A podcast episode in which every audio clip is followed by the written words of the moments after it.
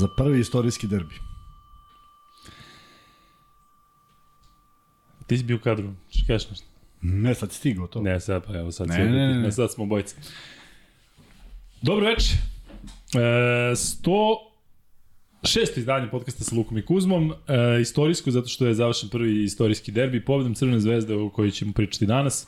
Ima svašta da se priča, imamo nekoliko poruka na početku. Prva je od našeg dragog Vanje, koju naravno podržavamo, ali Vanja vas je zamolio da ne pišete neke gluposti, da vas ne bi banovao, dakle znamo da su uzavrle strasti, ali, Vrlo eto, kako? Vrlo sam raspoložen da banujem. Evo, Vanja raspoložen da banuje.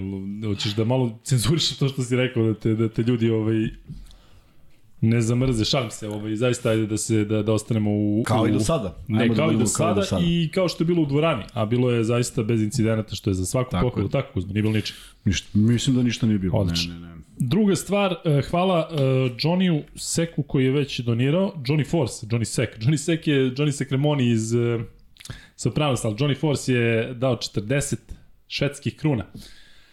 Uh, Samo, čekao, samo čekao da počne. da. Hvala, John. Uh, tako su Mike, to ti znači hvala puno. Da, znam. Dobro. Znam. Gde si Kuzma, šta ima? Evo ništa, naporan dan, pa onda ovaj, ovaj maraton, s obzirom da smo počeli u šest.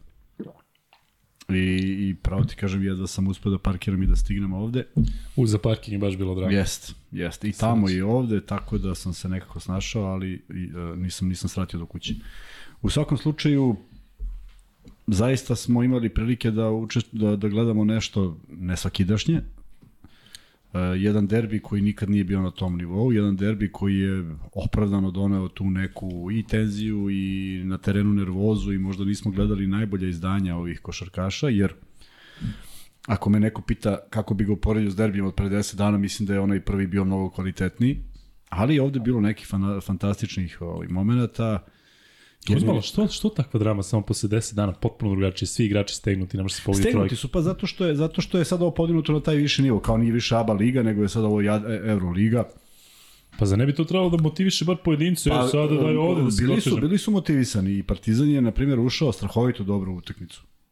Strahovito dobro, već je tu bila i osetna razlika, Ali... ali... sam poruka dobio, konačno Partizan je kao da. igra odbranu. Tako je, a stvarno su igrali dobro odbranu. Jeste. I ono što je možda i najvažnije, nisu igrali odbranu, nego su imali strahovit ofanzivni napak, napad, personifikovan u, u Lesoru, ali, ali uh,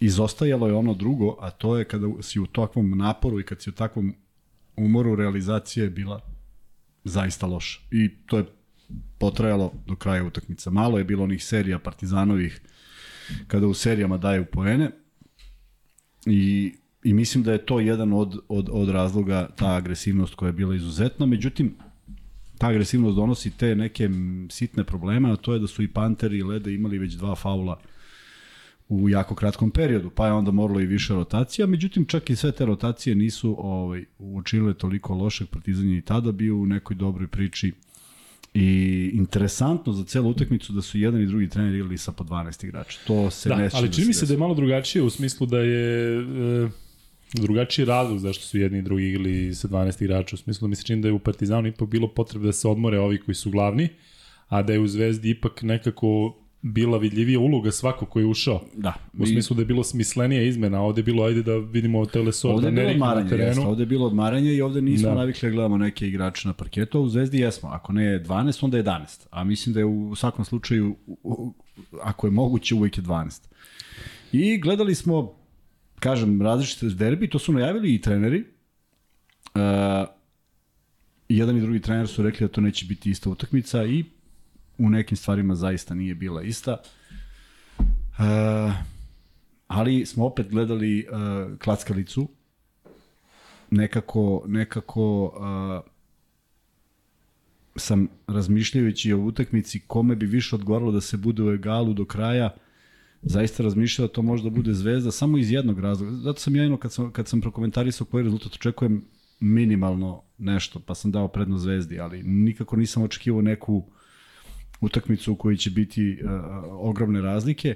Uh, I razmišljao sam da će Zvezda bolje završiti utakmicu. I video si, sa minus 6 na plus 3. Šta se desilo onom da. time outu odjednom, beše koji rezultat? E, a sad, e sad, to, to da je prvi put pa kažeš desilo se, ali nije. E, to je najveći U problem. smislu da je Zvezda se podigla ili Partizan pao? Partizan pao. Da li se Zvezda pazi? Zvezda se podigla sa dve trojke, prvo je koš uh, skok uh, Martina, to jest Hasana, kako su me zamolili da ga zovem. Skok Hasana, pa trojka Vildose, pa još jedna trojka Vildose, pa trojka Nedovića. Dakle, to je, to je, to je, uh, m, sad će neko reći, pa i Partizan je isto šutno. Nije isto. Nije isto su ovo bile zamišljene stvari kako će neko da uzme šut, oslobodio se i šutnuo iz svoje pozicije. Uh, kada se dođe u završnicu utakmice, kada si u egalu i kada imaš loptu u posadu i kada ti se lopta vrati u ruku, sasvim je razumljivo da potraje do kraja, da ne daješ protivniku šansu. A to se ponovo desilo. I mislim da to najviše boli uh, navijače Partizana. Meni smeta kao košarkaški potez, zato što je nekošarkaški i zašto nije prvi put. I to je ključ. Na sve što se dešavalo na terenu, da se sve zaboravi u tom momentu, to staje u taj jedan šut. I ubeđen sam da je akcija Vildosa Nedović bila zamišljena kao takva, jer da nije izašlo tri igrača, da nisu rotirali svi oni, ne bi išao pas, išao bi Vildosa do kraja, ovako je prosto morao i našao dobro rešenje i vidiš kako to neverovatno izgleda, jedan šut od sedam, prvi i posljednji na utakmici ušao, to je prosto, eto, tako se sa desi. onom nogom, onako on kad isturi onu nogu desno, tu su nas učili nemojte nek vam kuku i budu pravo, Da, nek da, naskočite zarotirao je, pravo, je. desno, ali je sa neviđenim samopouzdanjem šutno tu Jeste, trojku. jeste i mislim da mu je laknulo jer je i mnogo mi se dopada način kako je ne proslavio, Da, da, tačnije kako je proslavio, ali bez ikakvih gestikulacija jer jer mislim da je njemu pao kamen sa srca jer prosto ne, nije verovao da može da promaši toliko, a, a zaista je sve kad se vrati film sve promašio, Da. a opet bio čovjek sa 20 poena u rukama što je isto neverovatno. Imaćemo verovatno neke rekorde danas. 1700 ljudi u live-u u ponoć, a tek smo počeli. Rekord nam je oko 3000, možda, do, možda priđemo u tom Ajde probamo. toj cifri. A, a, pozdrav za Milana Brašanca koji radi posao umesto nas i kaže idemo svi like za ove ljude koji rade najbolji košarkaški podcast. Hvala, Hvala, Hvala puno. Nadamo se da je u Čikagu lepše vreme nego ovde, ovde magla i vetar i sve. I onda to ovaj, e, još gore padne onima koji navijaju za Partizan. Ali, zaista zaslužena pobeda Zvezde i sve pohvale za Zvezdu koja igra fantastično i sve pohvale za to što nije bilo incidenata, jako delo da su možda neki očekivali ili priželjkivali incident, ali navijači su bili i jedni i drugi dostojanstveni uz neki možda sitnije, sitnije ispade. Tako da veliki, veliki plus, ja mislim i veliki e, Velika pohvala za organizaciju, za, za ne mislim samo za partizanu organizaciju, već jednostavno kako su se svi nosili. Zato što mi se čini da smo mnogo pričali prethodnih dana o nekim saopštenjima, o tome da li će Ma ići ne, o, o ovom kampacu. Nešto mi je bre delovalo atmosfera kao da ne treba da pričamo o košaci i mislim da je možda to uticalo na igrače. Sve, cela ta neka e, polu mentalska atmosfera. Pa vidi ovako, e, e, sport klub je napravio e, veliki broj izjava raz- različitih ljudi, trenera, bivših igrača, igrača koji samo posmatraju, navijaju za jedne ili za druge. I naravno, ovaj, mi smo sve to pričali, ali to je sve lepo rekao u jednom momentu i selektor Pešić. Šta je rekao? Stalno je borba za to prvo mesto. Koliko bi bilo divno da imaš neke garancije, kao što imaju određeni timovi, da to više ne bude borba na život i smrt. Zamisli da ti sad gledaš jednu utakmicu u kojoj će prestiž biti jedina bitna stvar. Ne rezultat, ne nešto, jer nije, jer nije nešto što dovodi do kraja opstanka tog kluba, a uvek nam je, svaka nam sezona tako deluje. Ili je to ABA liga, ili ko će ovo, ili ko će ono, jer stalno je neki opstanak. A stvarno, kad vratiš e, pozicije nekih drugih klubova, shvatiš da oni nemaju taj pritisak.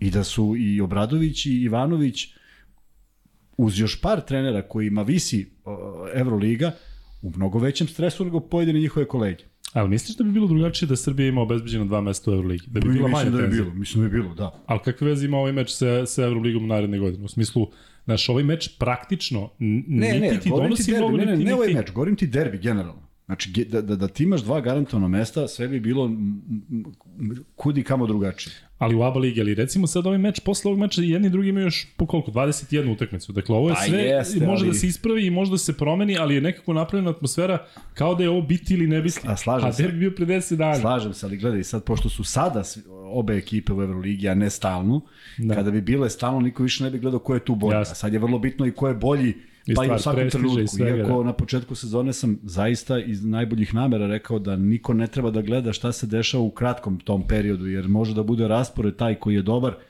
sačeka se negde polovina sezone, jer to je neki, neka procena učinka, sačeka se neki moment kada može da se ustanovi. Ovako, gledati ko je šta, ko je gde. Evo do pre koliko, pa ima mesec dana da je Partizan bio u prednosti. Neverovatno kako si Pa znao. neverovatno, zato što je, mi, mi, mi, ja sam danas sa Ilijom pričao, pa čoveče, tebi, tebi počinje drugi deo u januar. 17 utakmica će biti odigrano do druge nedelje, prve nedelje januara. To je neverovatno. Ej, zamisli, pola sezone će prođe u dva i po meseca. Oktobar, novembar, decembar, tri meseca. Ludilo. Ne, ali koliko može da se izmeni još, prosto je neverovatno. Dakle, može ponovno Tako da se je, obrne. Pa se ja je, nadam pa da će doći do toga da i jedan i drugi tim budu u istom trenutku u dobroj formi. E, ali sad Zato što mi imali smo zvezdu koja je loše počela, Jest. Partizan koji se u jednom Jest. trenutku podigao. Pa smo imali, pa sad imamo obrnutu situaciju. Ali ja se nadam da će doći taj moment, daj Bože na kraju sezone, kada će Partizan i Zvezda, daj Bože, boriti se jedan i drugi ravnopravno. E, sad tu zavisi, Za sad tu zavisi ono što smo pričali kakav raspored dolazi. Dakle, uh, sa kojim ambicijama je Partizan ušao, sa kojim Zvezda. Mislim da pokušam da gledam zaista iz ugla košarkaš, čak ne nekog trenera ili nekog iz uprave. Da sam u Partizanu, ovo bi bilo bitno za podstrk, jer me čekaju dve utakmice, od kojih je jedna Asvel u gostima i izuzetno teška utakmica Efes kod kuće. Izuzetno mi je teška ta utakmica protiv Efesa zato što dolaze ljudi koji su vodili veliki e, košarkaški rad sa sadašnjim trenerom Partizana. Dakle, imaju čak i neki motiv više. I to su dve utakmice koje bi potpuno drugačije izgledale sa ovog, sa ovog aspekta ako da je, da je Partizan pobedio. I zato je ulog bio veći. Zvezda s druge strane posle serije utakmica mogla je sebi da dozvoli bez obzira što je to gostovanje u Beogradu, ali to jeste gostovanje. Mogla je sebi da dozvoli poraz mnogo mirnije bez nekih trzavica i, e, e, i sad jedni, jedni ne mogu da više gaje samo pouzdanje, a od toga ti zavisi forma, nego sad moraš da kreneš u novi ciklus jednom, ne mogu kažem lakom, ja mislim da je Partizan bolji tim od Asvela, ali taj bolji tim onda ovu utakmicu treba da reši na drugačiji način. Jer ako Asvel bude iskoristio ovakve o, o, o, svoje šanse, uh, vidi, kad imaš 10 skokova više na utakmici, to je ozbiljan kapital. I ti izgubiš utakmicu. Znači da tu stvarno... Znači da si dosta drugih stvari radio slabije. Tako je. Jer, jer uh, slažem se ja da ne možeš svaku loptu da vratiš u koš kad je skineš, ali ispostavilo se da je Zvezda i sedam uhvaćenih lopti imala više vraćenih lopti u koš nego što je Partizan, a imali su stano drugi napad. A koje je objašnjenje? Objašnjenje koje se desilo jeste da je Lesor u tom momentu kada je skidao lopte mahom, mahom bio fauliran. Je tako? Čak i u nekim momentima kad nisu bila ni dva bacanja. A onda je čovjek izgubio snagu. On ne postoji u drugom polovremenu. Ne, ono je, vidio si energiju to, prilikom zakucavanja, ono kad je zakucao na polovremenu, jedno je došlo E, dobro ča, je. a u prvom je bukvalno bio spreman da to iščupa. košta, to košta, to košta 10 skokova u, u neverovatnih 10 skokova, zaista ono ono je za svaku pohvalu kako je čovjek skidao lopte jednom rukom, kako se pozicionirao kad da, kad da kamera ispod koša, ti vidiš kako je on zauzeo poziciju nogama i onda malo, malo mu treba samo da dođe do lopte. nekako tada i kad krene, jednostavno svaki ti padne u Svak, ruke, ti svak. Nagradiš, te jednostavno Apsolutno. E, od ozgo. Tako, e to znači da su neke druge stvari bile loše, u ovom slučaju e, jako loš proračunat šuta. Ne čudi me što jedni i drugi imaju mala asistencija iz prostog razloga što je utakmica, kažem, bila rešavana nekim indi- individualnim potezima i jedni i drugi, ali ovaj Zvezda je možda pa možda čak i ne mogu da kažem da je bila bolja za tih tri poena, ali je ipak završnicu utakmice sa minus 6 pretvorila u plus 3, to nije lako. E, Željko Brad, e, Ivanović je uzeo timeout, Zvezda je postigla 5 poena, Martin i Vildosa trojku. Ponovo promašaj Partizana, ponovo trojka. A, e, opet se vraćam na nešto što sam davno govorio, mora postoji ideja. A, razlika ove dve ekipe sada, ja mislim da svaki igrač Zvezde zna šta ideja. A nažalost ne deluje mi da je to u Partizanu tako. Jer, jer kažem, ponavlja se ovo iznova i iznova. Vidjet ćemo kako će reagovati. Ja čuo sam, naravno, od svojih poznanika iz Partizana i koji navijaju za Partizan, kimni su najviše na Pantera i nerezonsku Da, pričat ćemo pojedinačno svakome, da. pa ćemo onda da, da, da, da. Da se bavimo i naravno tom završnicom. E, Vanja, možeš da staviš uh, pol, da vidimo šta ljudi sada kažu koliko ima zvezdaša, koliko ima partizanovaca. E, 2100 ljudi u live-u. Ajde da probamo Kuzma da dođemo do 11.000 pratilaca sad u live. Ajmo da Ajde da vidimo koliko, koliko imaš, zato što volimo sa vama da proslavljamo te jubileje. E, znate da smo, odnosno vi koji ste gledali stoti podcast, znate da smo imali tada i šampanjac. E, Te je smo- šampanjac? Sad kad bolje razmislim. Popio si nek. E, koliko imamo, sad? Imamo, 10.000? čekaj, imamo. 10.897. Od 10.897, znamo, to je 103, to je lako. 103 čoveka nova treba doći. A novi, ne pa, znam koliko evo. ima. Ajde, daj Bože. Pa pozovi, ajde sad ti. Pozivam, da, pozivam sve i dobili smo jedan savet, sad ja nemam naočare pošto sam ih zaboravio na poslu, dobili smo jedan savet da u stvari, kaže, jako, jako mali broj ljudi, mislim da nije jako mali, ali mali, verujem da jeste informacija takva, zna za Instagram nalog. Što je moguće. Pa ću ja da ponovim da je, dakle, ono, donja crta, Luka i Kuzma, donja crta. Nije sad nešto preterano ovaj, komplikovano, tako da hvala što je Hvala što je Đorđe Đurović to napomenuo i evo ja sad kažem koji nam je Instagram nalog, pa pratite i to. Okačio sam jedan lep snimak danas od svega što se dešavalo iz naših ovaj, prethodnih emisija, pa eto, tako bude interesantno. Ljudi, stvarno hvala puno na svemu, zato što, e, evo daću vam sada primer, pri, pričat ću i o Kuzminu ime, zato što smem, zato što znam koliko je danas se potrošio i sve, ali e, primer radi, mm, ajde ne kažem, u stvari reći, ja sam danas imao uključenje u N1, pa smo imali uh, Vesti N1 koji sam radio, pa sam imao jutros Novo S, pa sam radio meč Euroliga Alba Fener, onda mi pitao neko koliko mi je teško palo. Ok, pola sata je bilo ranije, tako da se stiglo na sve. Uh, sutra ujutru imam Novo S jutarnji u 6, onda imam Australijanca u 9, pa prenosim Izraelca u 12. Da, zvuči kao, kao, kao zezanje, ali nije. A Kuzma je danas čovjek toliko pričao o Zvezdi Partizanu, ova dva stu, dugometražna studija, i imao naravno ispunjeno pre podne poslom i još sa milion stvari, evo ga sada ovde priča, nije čovjek stigao da ode ni do kuće. Tako da, zahvaljujući vama mi crpimo tu energiju. Dakle, ne želimo se, nego jednostavno zahvaljujući vama i hvala vam puno na svakom uh, ovom lajku, znate da to pravi neki algoritam, hvala puno Paypal uh, donatorima, hvala puno vama koji donirate ovde u live-u, hvala puno onima koji su naši Patreoni, uh, i to nam jednostavno omogućava da pravimo neki planove, da skupljamo neki novac i onda kada smo pričali da ćemo možda dolaziti po nekim gradovima, jednostavno to je nešto što što je cilj i da unapredimo i, i sve ovde, tako da hvala puno Vanji, Vanja je bio vrlo aktivan ovih dana zato što je do juče, do danas, do kada? Do juče? Do sinoć je bio ceo studio u galeriji, gde smo i mi bili za vikend, tako da mogli su da se prenesu stvari, fizički tamo da se bude, tako da zaista je ovo fenomenalno, fenomenalno što, što nam dajete takvu, takvu uh, energiju. Dakle, Pita čovjek, Vladimir Mladenović, kako da pa kako? Pa kako Vanja? Ne, kako beš? Pa ima na Paypalu. Da, ima Paypal, ima Patreon. Paypal kažu da je naj, najjednostavniji Da, Paypal je i da najjednostavniji. se najmanje provizije uzima, tako da mi E, naj, da. najviše što ne želimo to je da neko ko želi da nam nešto pošalje da ostane bez dela novca. Da. Tako da Tako da... PayPal je nešto što ima najviše smisla, tako smo razumeli sve naše donatore. I koliko ovaj, stiže iz Švedske, imamo Milana Jeftića, ako se ne javljam, koji stalno ovde u live-u ubacuje. Mislim da će Švedska biti jedna od destinacija gde ćemo ići jako. Tamo ti Pa pokažem gde je ovo, gde je ono. A? Da mi pokažeš sve, gde je ona crkva, kako beše? Gore, Brand Širka. Zapaljena Da. crkva. Brand Širka, zapaljena, da.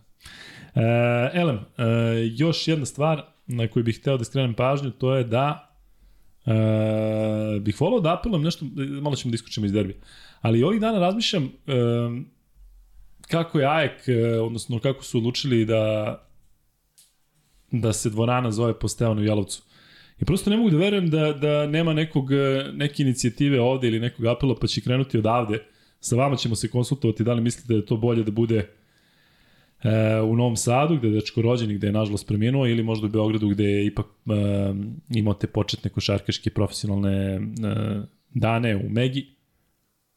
Mislim, ne mogu da verujem da, da, da mi treba da se učimo od, od, od nekog grčkog grada ili grčkog tima, mora da se zove neka dvorana u Srbiji, bar jedna po Stevanu Jelovcu, tako da konsultovat ćemo se sa vama u nekom polu. Taj momak je zaslužio da ga pamtimo bar na taj način, zato što smo zaboravni i svi gledamo svoje probleme i sada je bio taj 5. decembar i bavit ćemo se time na kraju podcasta. Mogli bi da ispucamo jedan free bet kada već ima ovoliko ljudi, da se slažeš Kuzma? Ajde, puci. E, free bet, već imamo 1000, 1000 glasova. E, I nemojte se molim vas ljuditi što ne mogu da čitam komentare sve i ne mogu da čitam pitanje zato što vidite koliko to brzo ide. E, jednostavno je jako, jako teško sve ispratiti. Pozdrav iz Geteborga, Luka, vidimo se na Adelaidu. Da, vidimo se. E, Laufer 0.57. Nisam ni pogledao da li Adelaide igra ujutru, ali znam da je Australijanac u 9.30. Pa čak, Kuzma, mi imamo neku obavezu tako između, moja, između moga Australijanca i Izraelca. Da imamo sastanak još jedan. Da. Imamo sastanak u vezi podcasta, e, ne samo ja i Kuzma, već idemo na, na neki sastanak i e, eto, tih pola sata ne može ni tada da se pauzira. Elem, e, ajde da vidimo kakav bi mogo da bude prvi free bet, jel možemo da kažemo ovako, koliko je Nedović, koji je heroj, veliki heroj, i promašio sve trojke, po, pogodio poslednju, I to je šmek, zato što imali smo primjer u Partizanu gde neko igra dobro tokom celog meča, pa onda na kraju kada treba E, videli ste kako to prođe, ali koliko je Nedović šutirao danas trojke? Dakle, toliko od toliko. Stavite i ko prvi odgovori na ovaj e, free bet, dobit će uh, max bet, uh, iznos od 1000 dinara na max bet nalog. Tako da, uh, da vidimo, Vanja, molim te vidi da ispratiš ti, zato što je meni ovde, ovo, ili tebi isto ovo blokira ovaj pola, a? ili možda vidiš? Ja vidim. Šta si, koliko je šutirao? Koliko je šutirao? Ili koliko je šutirao i samo Ne, ne, ne, koliko je od koliko do toliko. Jel Dimitrij Dojčinić prvi, meni se čini. To je pravilno, pravilno ovo što je, pravilno ovo što je rekao jedan od sedam. Jedan od sedam je tačan odgovor. Kako si rekao? Jedan od sedam. Da, da, da. Dimitrije Dojčinović je osvorio prvi free bet i on neka pošalje MaxBet ID na nalog eh, Luka i Kuzma na Instagram nalog. Zaista svaka čast Nedović, pričat ćemo sada i možemo da krenemo njega. Kuzma, Ne, ako ne, hoćeš... imamo, imamo jednu stvar, Ajde. Ja sam se ceo dan ovaj, nervirao nešto i eto viš zaboraviš kada e, pričaš uglavnom o košarci, ovaj, e, strašna stvar koja se desila je da je stradao Miodrag Ješić Nevjerojatno. u sabraćaj nesreći, on, on je igrao u suprotnom taboru kada sam ja bio klinac i kada sam počeo da navijam za zvezdu i sećam ga se e, ne samo kao igrača Partizana, već i reprezentativca i neverovatno šta se desilo ta tragedija koja, eto, ovaj, čuo sam neke informacije da je zaspao za volanom, prosto ne znam šta se desilo. E, pročito sam on bio sam u kolima. Da, izgleda da je bio sam, da. Mislim, užasna vest, i, i, a dešava se na dan uh, kada je preminuo Mirza Delibašić.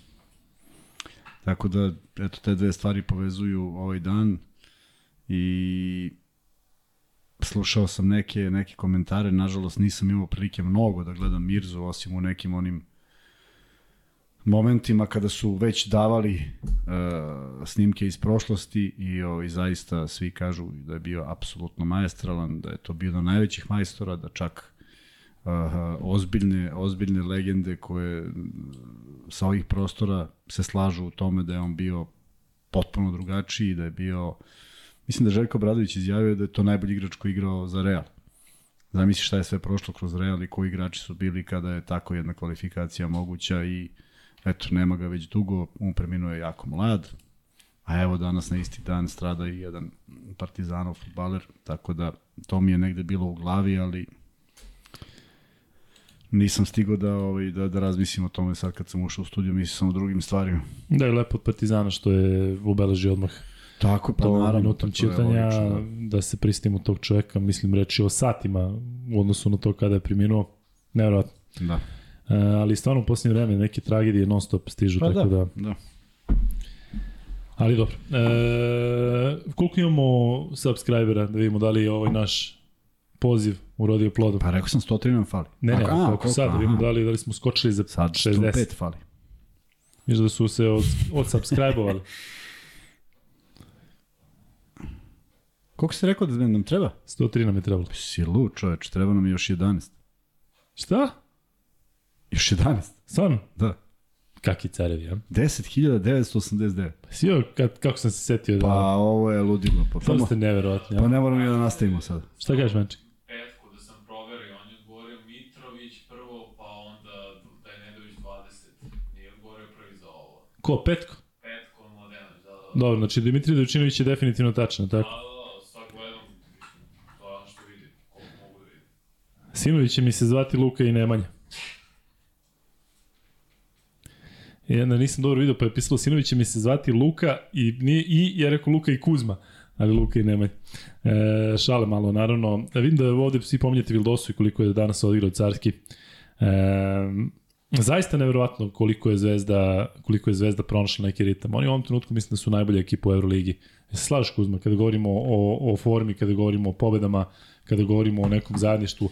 Ono što se meni dopalo kod Duška Ivanovića koji je rekao na, na konferenciji za novinare i žao mi što to ne vidim kod Partizana, on je rekao ja sam morao igrače da spu, ne da ih motivišem, nego da ih spuštam koliko su svi bili motivisani za derbi. Ajde da te pitam, da li tu ima možda um, utica i to što Zvezda ipak više ima domaćih igrača? Zaista deluje da su bili da su neko bili spremni za ovaj derbi, da su manje oscilirali, na stranu taj loš početak. Ali da li je taj kult derbija možda u ovom trenutku značajniji u Zvezdi nego u Partizanu? Ne znam, teško je da kažem i da budem objektivan. U smislu, da. ako kažem da, jeste, ue, a, vidi ovaj, a kad je Partizan imao više, ja ćutu. Znaš, bit će to neki argument. Da. Ja sam inače bio i svako ko može da izlista šta sam pričao unazad 10 godina, pričam o a, broju stranaca, o kvalitetnim strancima s kojima sam ja volao da igram, o poplavi nekvalitetnih stranaca u različitim ligama. Ne može svaki stranac da opravda očekivanja, prosto volao bi da napravimo na kraju Jadranske lige ko je ostavio ovaj, dobar utisak, ko ne, ko je opravdao, ko nije opravdao. Mislim da je ozbiljna nervoza, na primjer, u budućnosti i vidim da sve manje navijača, dakle, nečim nisu zadovoljni. Prema tome, uh, ja duboko verujem da neko ko razume mentalitet, neko ko razume, ako ništa drugo, razume šta se priča oko njega. Ti čuješ, odeš na pijacu i čuješ da li ti neko nešto dobaci, da li neko nešto kaže, čuješ, čuješ, čitaš, znaš jezik kojim, kojim govoriš. Oni su malo isključeni iz svega toga. I u nekom svom svetu i oni su jako fini i motivisani i to je, je, je, je, idemo, mi ćemo, ja uvek, ja uvek navedem Holdena, Holdena, ovaj, Holanda, koji, ovaj, koji uvek prvi da kaže nešto, tako? On je uvek za, ali video si njegov učinak danas. Neverovatno. Ali vidiš koliko je njemu stalo, na kraju koliko se radao, e, mislim, šta, logično. Ma, znam, ali šta, šta znači stalo? Ne, delo je da zaista momak ima energiju, da to što Ma. loše igra i što, što nema minute, da to ne utiče na njegov odnos prema sam. Vidi, uzmeš, gledaš onog Milenka Topića i kažeš jevo te li imao energiju uopšte, a njemu stalo ne stalo, nego, a ne vidi niko. Ne mora sada da eksplicitno bude mi mašemo rukama i da bi pokazalo da nam je stalo. Ja nikad nisam pravio neke grimase na, na licu da bi nekom pokazao da li mi je stalo. A znao sam koliko mi je stalo i svaka mi je utakmica stala. Ovo mi deluje kao idemo i, u, znaš, uvek je u centru pažnja, kad treba idemo, ne idemo nigde. E, tako da, rekao bih da sam ubeđen da će Andjušić i Lazić ili, ili, ili, ili Smajlagić ne može, tek je tu pola godine, nije, on, on, se, on se jako rano od, odvojio od ovog mentaliteta i otišao u NBA, ima potpuno drugačiji pristup košaci. Ja ga, ja ga obožavam jer je igrao tada i bio jedan od najtalentovanijih igrača, ali on ipak pripada drugačijem mentalitetu. A jel si bio, kad si bio sa Azulom, bio u tim mlađim selekcijama? Jeste. On je, bio, odmah, on je bio, si, on je odmah pokazao... On je pokazao neviđenu inteligenciju, samo što je bio iza, ispod, ispod Pecarskog i, uh, i Petruševa, koji su bili stariji, ja mislim da je on godinu dana mlađi, i bili su dominantni. I nije se od njega mnogo očekivalo, ali video si da je on to, da će on biti igrač. Međutim, kažem, odlazi u jednom, jednom, na jednu drugu stranu, Uh, zato kažem, evo, Andjušić i Lazić, ja mislim da mi je podjednako stalo. Ja mislim da je to ono što video si koliko se Andjušić koliko je otvorio opet utakmicu nekim nekim promašajima, a onda kad je vezao onu, troj, onu trojku i dvojku, koliko je to neki podstrek dalo, koliko je publika reagovala drugačije. Ja sad e, koliko koliko i šta treba da bi da bi Andjušić ostao na parketu duže i da li da li opet napravio greške. Sve su to sad stvari koje nemaju nikakve veze sa ovim što pričam. Pričam sa činjenicom da mislim da postoji određena pripadnost klubu u kojem si ponikao ili kojem igraš 5, 6, 7, 8 godina i ne može da bude identično. Ništa više. Ne kažem da li, da li valja, da li ne valja, ali prosto ne može da bude identično. I e, kad pogledaš tako, Zvezda jeste u prednosti, ali Zvezda nije samo u prednosti brojčano. Koliko sam puta iskritikovao Petruševa, neko je sad napisao, očigledno da Petrušev kaže gleda vaš podcast, pa je promenio neke stvari. Koliko je on post, posto drugačiji igrač. Si vidio danas dva zakucavanja, bez Tri, dodirivanja, nekada, da. bez dodirivanja, mislim ona, ona iz kontakta, bez dodirivanja tla, koliko nekih rezonskih, pa ona trojka koja je pogođena, koliko sve to ima rezon i snagu. Ozbiljnu snagu, dakle više nije on neki koji leluja, nego ozbiljno se postavlja. Ili ima to veze sa Ivanovićem? Očigledno ili... da ima. Ja sam mislio mu neće prijati, ali ja, što bi, kako bi ja znao kako će neko da reaguje. Ali on odjednom reaguje kako treba. I, to je, i, i tu je sad ta razlika između, na primjer, njegove forme i sad njegove posvećenosti utakmici i njegove želje da se pobedi u odnosu na još uvek povređenog Smajlagića, Tristana Vučića koji je odjednom u igri u Euroligi, nije baš on mnogo minuta proveo, i Trife koji je bio jako kratko. I neverovatno je šta su obojica igrača, oba igrača šta su napravili, promašaj skok, uhvatili svoju i vratili. Prosto neverovatno da su da je to tako Mislim i da je onaj šut e, Tristana bio još teži zato što je sa strane. Još teži sa strane, da. vratila se pa je samo malo sam, što je tek pritisak. Jest, da. da, tu, tu sa te daljine je jako da. teško šutnuti. Ali, eto, to su, to su ovaj, sigurno neki pokazatelji zašto mm, A, mislim, vidiš u kom pravcu ide košarka. Pogledaj, izašla je ta lista ko koristi najviše igrača i ispostavilo se da je Zvezda ubedljivo prva. Evropa ide u tom smeru. Da li će Zvezda uspeti da se izbori s tim? Da li, ne, da li će sledeće godine biti manje, više? Ja bih voleo da bude više. A opet, e, opet se vraćam na to što je Pešić rekao, ali kaže onda kad bi bili garantovani e, pozicije u Euroligi, pa je onda možeš da, da praviš ovo o čemu pričaš. Da li bi trebalo 5 godina, 2 godine, 100 godina, ne, nevažno, ali u, ovom, u ovakvom procesu i ne možeš. Prema tome, velika je stvar što Zvezda ipak ima tu bazu na koju su pridodati ovi igrači i najlepša stvar koja se meni dopala, kako komentariše Ivanović pobede, pa kaže šta kako, kako kad imam odlične igrače. Dakle, stvarno šmekirski odgovor. Ali da li da je iskren potpuno i da nije nikako ja sada podilaženje ja nešto, toliko kaže imam poverenje u svoje igrače, to baš deluje tako na terenu. Meni tako deluje i mislim da je, da je sve to, sva ta fama koja je išla oko njega i koju, u koju sam ja određenom ovaj, dozom verovao, da je u stvari samo pitanje pristupa i ozbiljnog rada.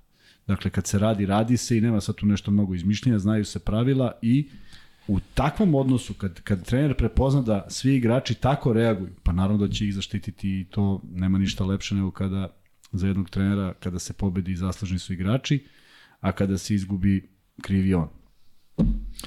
Luka Topalović je donirao, hvala puno Luka, uvijek može da postaviš neko pitanje ili nešto, zato što onda to da izađe tako da, da može lakše da se vidi. I Čira, 86 iz Pariza, kaže, ljudi, završnica za infarkt, Čestitke mojoj zvezdi i Partizanu, više sreće u daljem takmičenju, baš lepa poruka, više, odnosno veliki pozdrav iz Pariza za najbolju ekipu, Luku, Kuzmu i Vanju. Hvala puno Čiri, uh, hvala puno Luki. Hvala puno. E, I hvala puno Lazaru koji kaže ajde da prekinemo kaže ovo što se desilo, ove tragedije koje su desile.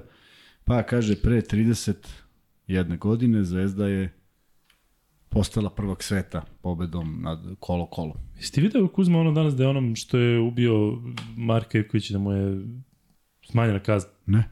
Nisi vidio? No ne ježi se sada da, da je sa 25 godina smanjeno 15 godina. Ne znam šta ti kažem. Se sve nadam da je ovaj da je neka da je neka greška da, da, da, da je pogrešna informacijama, da je Zvezda to saopštila, tako da ne, ne bi se ovaj, mora da istina, ali eto, pričali smo o tome koliko ima, kako je bila godišnjica smrti I sada je te tako, tako da za 10 godina, kako mogu za 10 godina da ti skrate zatvorsku kaznu, to mi je jasno. Pravno se ne razumijem, ali... No, i sam Bog zna. Da, ko će to da, ko ganja to, ko stoji iza toga i tako da. Da. Ovaj, uh, hoćemo da pređemo na igrače, Kuzma. Ajmo. Moramo do ove teme malo pre što smo što sam pomenuo da, da, da ne bih rekao nešto ili će ili ću ja da završim onda ovaj mene će da da da hapse. Stvarno neverovatno je. Zamisli to. Samo se pojavi ta informacija, onda mogu da mu se 15 kino 10. Ele, ajde da, da, da Izvim, idemo dalje. Ima još jedna poruka, izvini što prekidam. I ovde nas ljudi pomenju da... Uh, Šta? Da 11.000 smo prešli, da nismo proslili. Pa slušaj ovo, kaže, Kaži. Vladimir Milenković, kad ste pogledali sad, falilo mi 11 pratilaca, do 11.000. Nemoj Nedović u prvom mandatu nosio broj 11 u Zvezdi. Najveća prednost Partizana danas je bila 11 poena. Nedović je dao 11 poena u drugom polovremenu, Zvezda pogodila 11 slavovnih i najviše poena u nizu, Zvezda je 11. Sve je bilo u tom broju. A počeli smo u 11.49 na 11 minuta 11 minuta 12. Tako, vidiš kako da. to sve ide. Ček sad pogledam, pa samo moramo proslavim. Ajde, da se gledamo da je 11.011. A? Ma 100%. Ne, reci da je 11.11, 11, iako nije. Nije, još to i ne mrda. Šta ne mrda? Čekaj da čukne malo. 11.054. Kako ne mrda, bre? Pomera se. Momci, rasta algoritam. Samo roški. E, Ajmo igrač. Hoćeš da kombinujemo Zvezda Partizan ili hoćeš Ajmo. prvo Zvezda pa Partizan? Krećemo ćeš? od najnižih brojeva jednog drugog. Jovan Janković je donirao Jovane, hvala ti puno i kaže Vildosa, the GOAT. E, Doći ćemo do njega.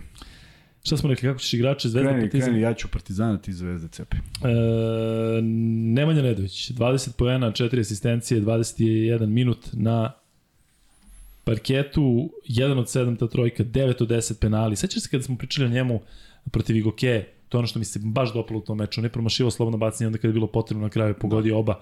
E, baš se videlo, znaš, dečko očigledno, e, ja mislim da je to kombinacija iskustva Jest. i da je kombinacija jednostavno nečega što ili imaš ili nemaš, a Nemanja Nedović to ima. Nije slučajno on bio u Golden State-u, nije slučajno bio jedan od vodećih igrača u svim klubima gde je bio, ali ima tu jedno veliko ali, gde mora da se skreditne pažnja, da, ajde stavit ću tu i sebe, da smo svi kolektivno onako malo bili protiv Nedovića posle onog meča protiv Slovenije, pa kako je loše Ja ušao u sezonu. Dobro, nisam ni ja. Ali ovaj, sećaš se kako je bilo Nedović, promašaj, zašto pare Nedović, kako je Nedović i kako se sve izmeni jako brzo. I zato kažem samo da sada malo budemo e, umereniji i oprezniji sa pljuvanjem bilo koga, zato što sve može da se Okrene. reši jako brzo. Šta imaš da kažeš ti za Nedovića? A- Kuzma, meni se to jako dopada kada neko sve promaši. On je sam rekao, kao, ja sam možda promašio sve, ništa nisam ubali i na kraju sam znao da ću da pogodim tu 100%. Vidi ovako, prvo, mislim da je promašio prvo ili drugo slobodno bacanje od tih deset. U svakom slučaju na prvim slobodnim bacima je promaši. Drugo, jeste promašio sve i to me čak i ne brine, brine me više što izgubio nekoliko lopti što nije njemu svojstveno. A sve ono što je bitno se, se e, nalazi u jednoj činjenici, da je on i dalje bio na terenu i da se za njega igrao posljednji napad.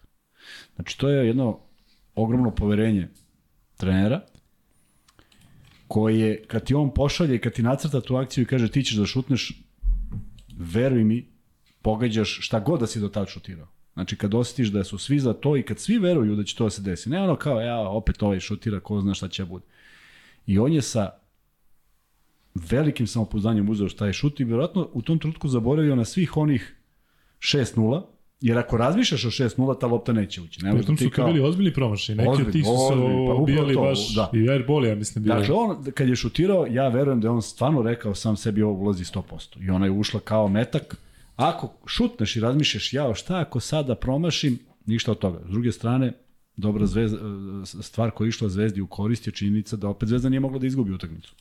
da, Tim posljednjim da. napadom. Tako Jel da ima je to, ima to, jel ti daje to, ajde Pa da daje ti malo, da, da, malo ti je lakše, dakle nisi pod pritiskom da to moraš, jer možda se desi da u tom, u tom pritisku napraviš neki potez, položaj tela koji ti ne odgovara. Ovde je izgleda sve bilo, bez obzira što je on zarotirao sebe, izbego Ledeja koji je skočio na šut, ali mislim da su da je mnogo igrača skupilo, pa se otuda otvorila ta pozicija i, i, i pogodio je. Naravno, mogo je da promaši, mogla je utakmica da ide u produžetak, ali ovaj, stao je, doskočio je, nije mnogo slavio, što je onako fin jedan potez uh, i, i, i, i pokazao da mora da bude čovjek koji rešava, ali mora da bude još odgovorniji u nekim stvarima. Mislim da je pojedine stvari danas mogao bolje.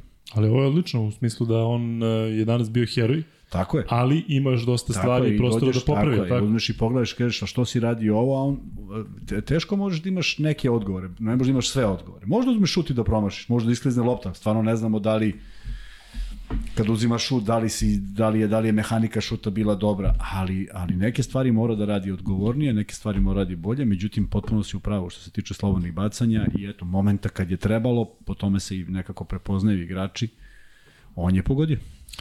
E, pričali smo ajde da, da odmah se naslonimo i na Vildosu, pa ćemo da pređemo Ajde, na, na igrače ajde. Partizana. Stalno se priča o tome ko je lider i mi smo govorili o tome da li Vildosa ili Nedović, međutim oni izgleda da se sjajno dopunjavaju i da zaista fantastično funkcionišu i deluje da onako tandemski vode zvezdu fenomenalno. Vidi, ja, ja sam pričao o, o, o, o, i prošle godine o lepoti igre Pantera, šta on može da uradi. Ali ovaj Vildosa je otišao jedan korak dalje. Dakle, tih 3-4 poteza koje je napravio su zaista prelepi za gledanje. Dakle, kako nađe sebe, kako prođe, šta uradi, neko pomisli, taman je on zaustavljen, on dva driblinga napravi na kvadratnom milimetru i prođe. I neverovatan osjećaj ima i stvarno, uh, kako bih rekao, posle, posle mnogo, mnogo godina gledaš jednog igrača koji može da izmisli poen ni od kuda, pritom ne zabavlja se, izbacio je zabavljanje kako Ivanović došao, nema više, nema više zabave na terenu, ali ima fantastično lepih poteza i ima nesebičnost jedne e, ozbiljne koja ga je krasila od momenta kada je došao. On jednog trenutka nije pravio razliku, naprotiv, uvek je tu bila lopta na stranu kada je sam, tako da je e, Ivanović verovatno sa ozbiljnim e, razlogom stavio njega na loptu, a Nedovića u ćošak, to donelo pobedu i jedno zaista mogu da budu zadovoljni, iako je bilo 4-0 od Vildose i 6-0 od Nedovića mnogo za jednu utakmicu, a ko sad onda treba da, da e, Lazarević ponovi svoju šutersko veče iz utakmice protiv studentskog centra? Pa nije to realno. Dakle, oni moraju da budu na visini zadatka čak i kad ne ide. Ne mora onda trojka.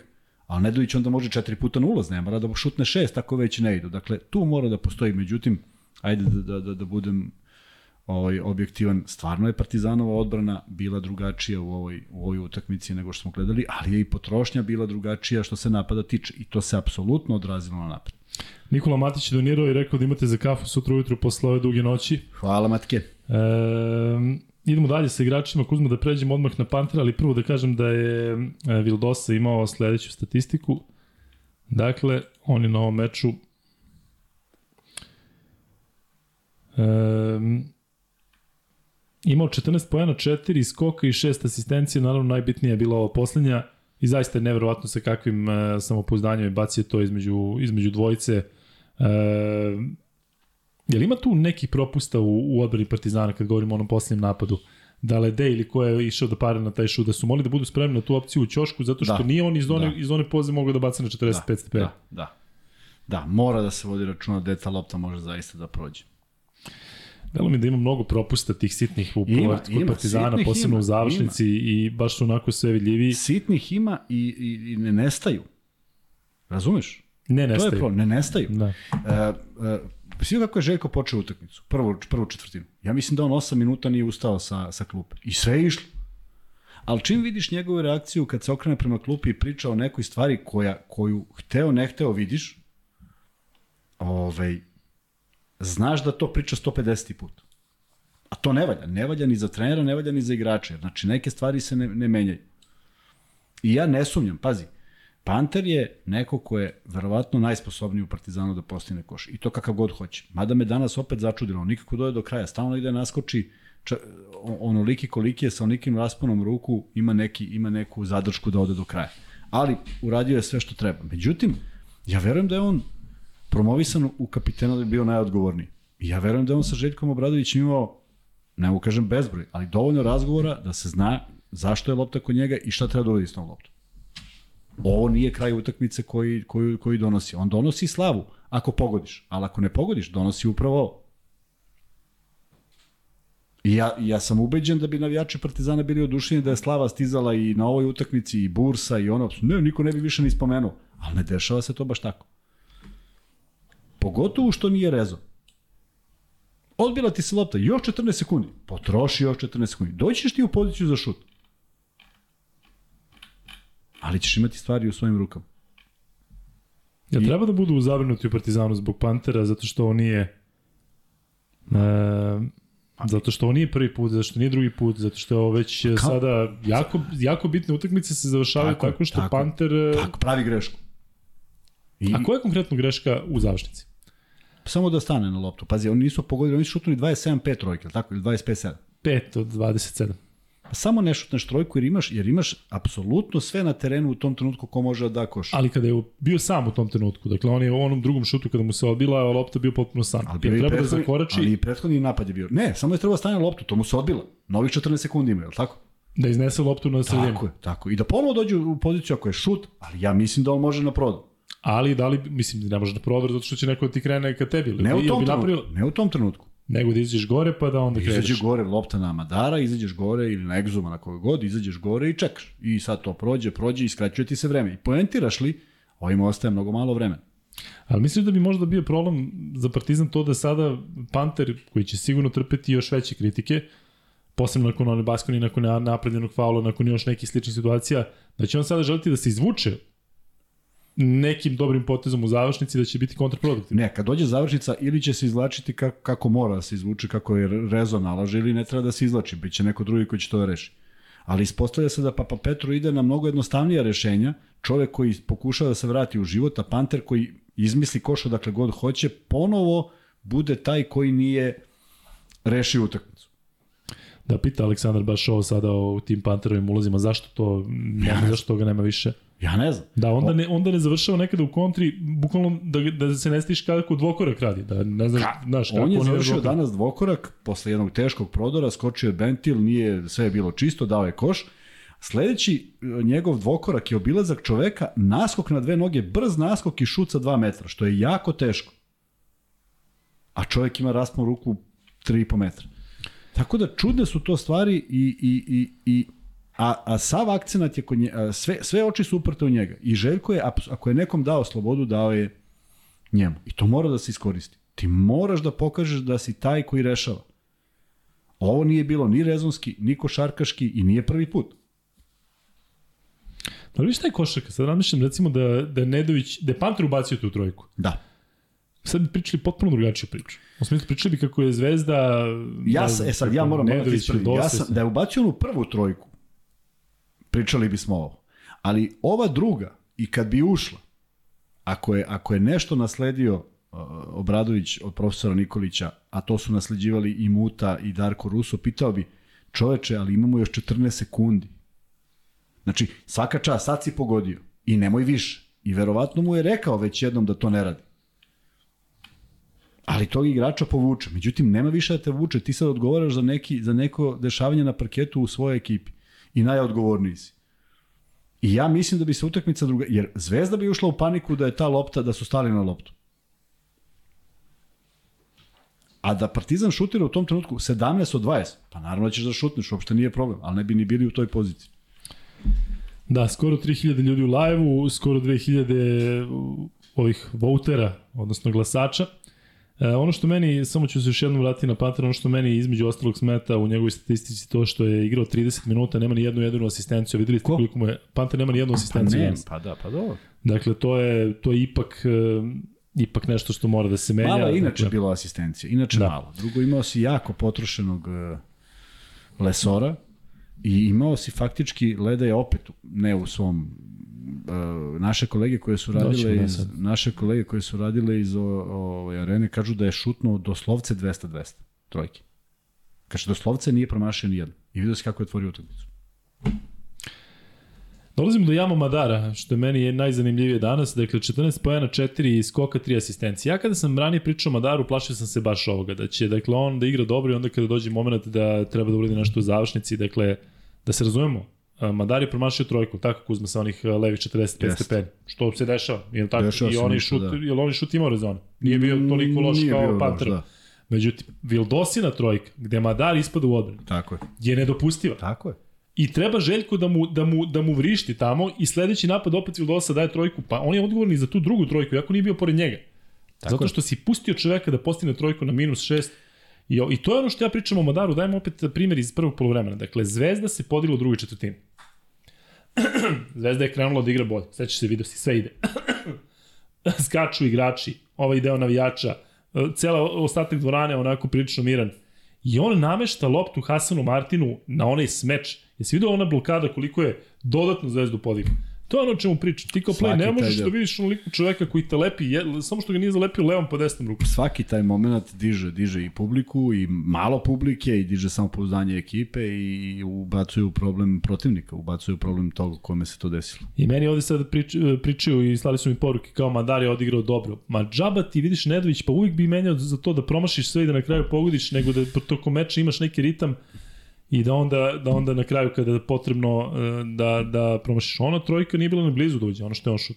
Trojka koja je mogla da promeni tok da. sezone da. Partizana i da, da. možda promeni njegu, njegu da, možda karijeru. Sigurno, sigurno menja nešto, ovaj, nije, nije situacija ovakva, ovako stvarno ostaje da u jednom spektaklu pred svojim navijačima koji su napravili kao i uvek odličnu atmosferu. Ja nisam primetio da je bilo bilo kakvog uh, incidenta. Ma čak i svaka sudije- čast na jačima. Da. Svaka čast vama ovde vidim uz sitnije neke, je li tako Vanja? Nema mnogo, nema mnogo nekih, e, barem ja ne vidim da je mnogo ima nekih problema.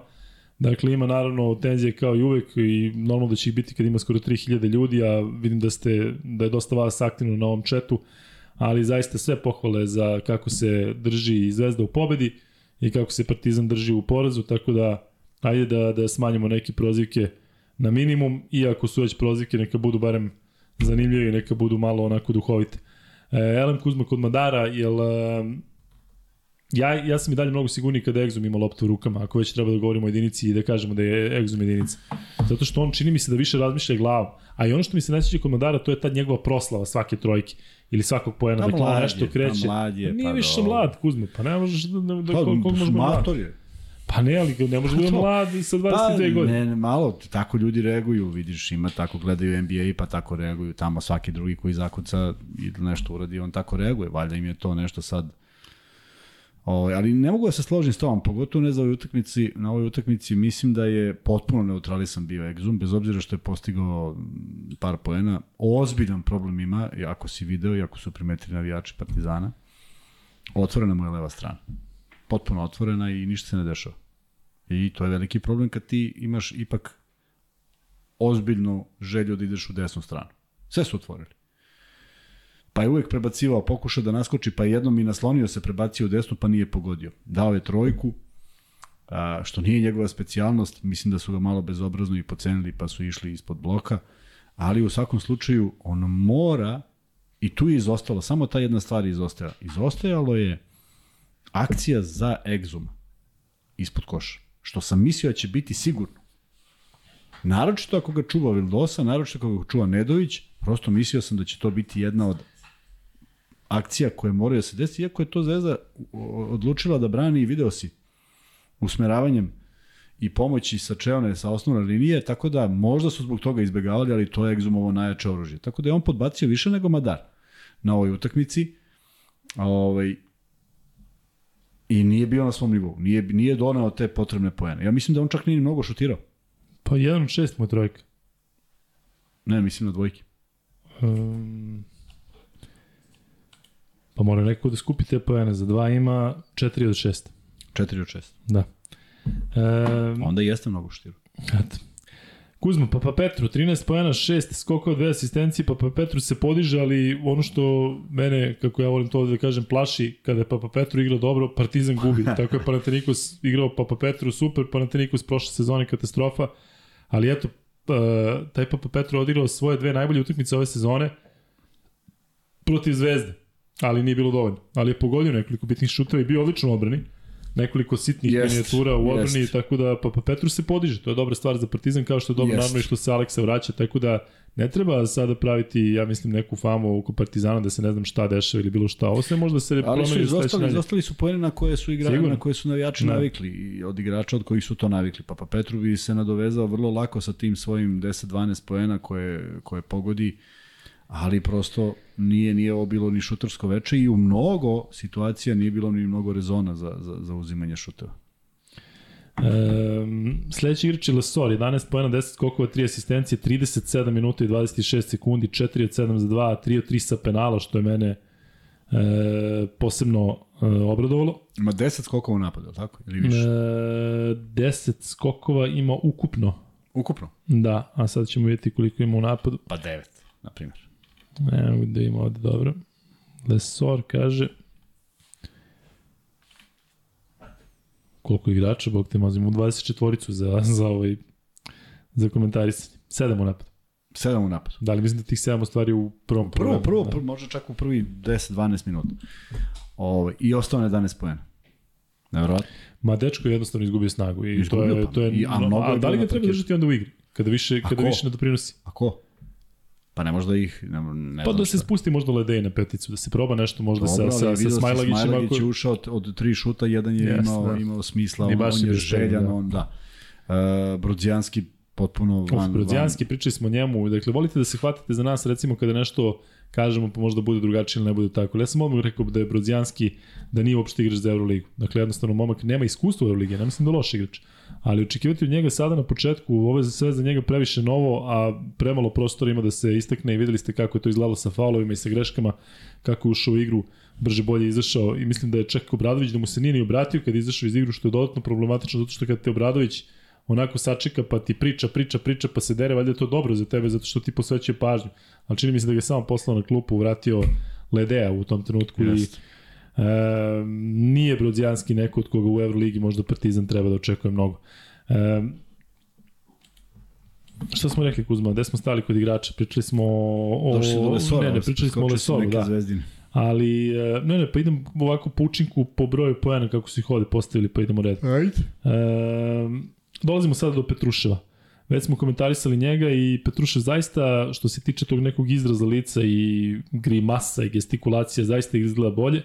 A njegova statistika danas je 10 poena, 4 skoka, 3 od 3 za 2, 1 od 1 za 3, 1 od 3 sa penala, što je moglo bolje. Međutim, Prva dva koliko promašio. vidimo ovde, njegov, njegov plus minus je 24, a Petrušev je čini mi se danas pogađao i te zakucavanje imao baš onako dobri, dobar tajnik, Tako baš je, dobar treba. tajming, dobra kretnja, svaki put u pravovremeni pas koji on jako dobro koristi, čvrst, e, u skladu sa izjavom koju je dao pred utakmicu, vrlo racionalnu, sve što je rekao ima mnogo smisla i tako se i ponaša na utakmici i zaista veliki napredak u pristupu u onome da kad dođe lopta kod njega svi znaju da će nešto dobro da se desi i treba tako da nastavi i još vršće i još više skokova i da zasluži svoju minutažu, mislim da ima ozbiljno poverenje uh, uh, Ivanovića, mislim da Ivanović nema omiljene igrače u određenim momentima igre, jednostavno samo rotira da vidi ko je tu najsposobniji, najspremniji u tom trenutku datom da odgovori na neke zahteve koji su pred njim, tako da on sebi može da obezbedi koliko? 20 minuta? Da, Pa da. Dosta je to za ovako. 24 minuta, To je 51 ozbiljna, sekund, ozbiljna 25 minuta. minutaža da, za ovako intenzivnu utakmicu. Jel ti deluje da on ove sezone može da se onako Može, podigne na jedan ozbiljan može da nivo, se- da. A da opet od njega ne očekujemo previše u smislu da ne bude on sada neki lider zvezde, već Ne jednostavno mora, da radi ne, ne, prave ne, stvari. ne mora bude lider, on treba da uradi upravo ovo, da se dobro kreće, da ima samopouzdanje kad šutira, da bude bolji u slobodnim bacanjima, nema razloga da ne bude ima, on ima meku ruku, da kad šutne 3 ne treba da bude 7 od 5 od 7, treba da bude 1 od 3, 1 od 2, 2 od 4, dakle u tim brojevima da šutira, a ovo još češće jer jako dobro se kreće i evidentno je da ovaj kada u Zvezdi ide lopta to to to zaista oslobodi prostor za igrače tog profila da lako poentiraju.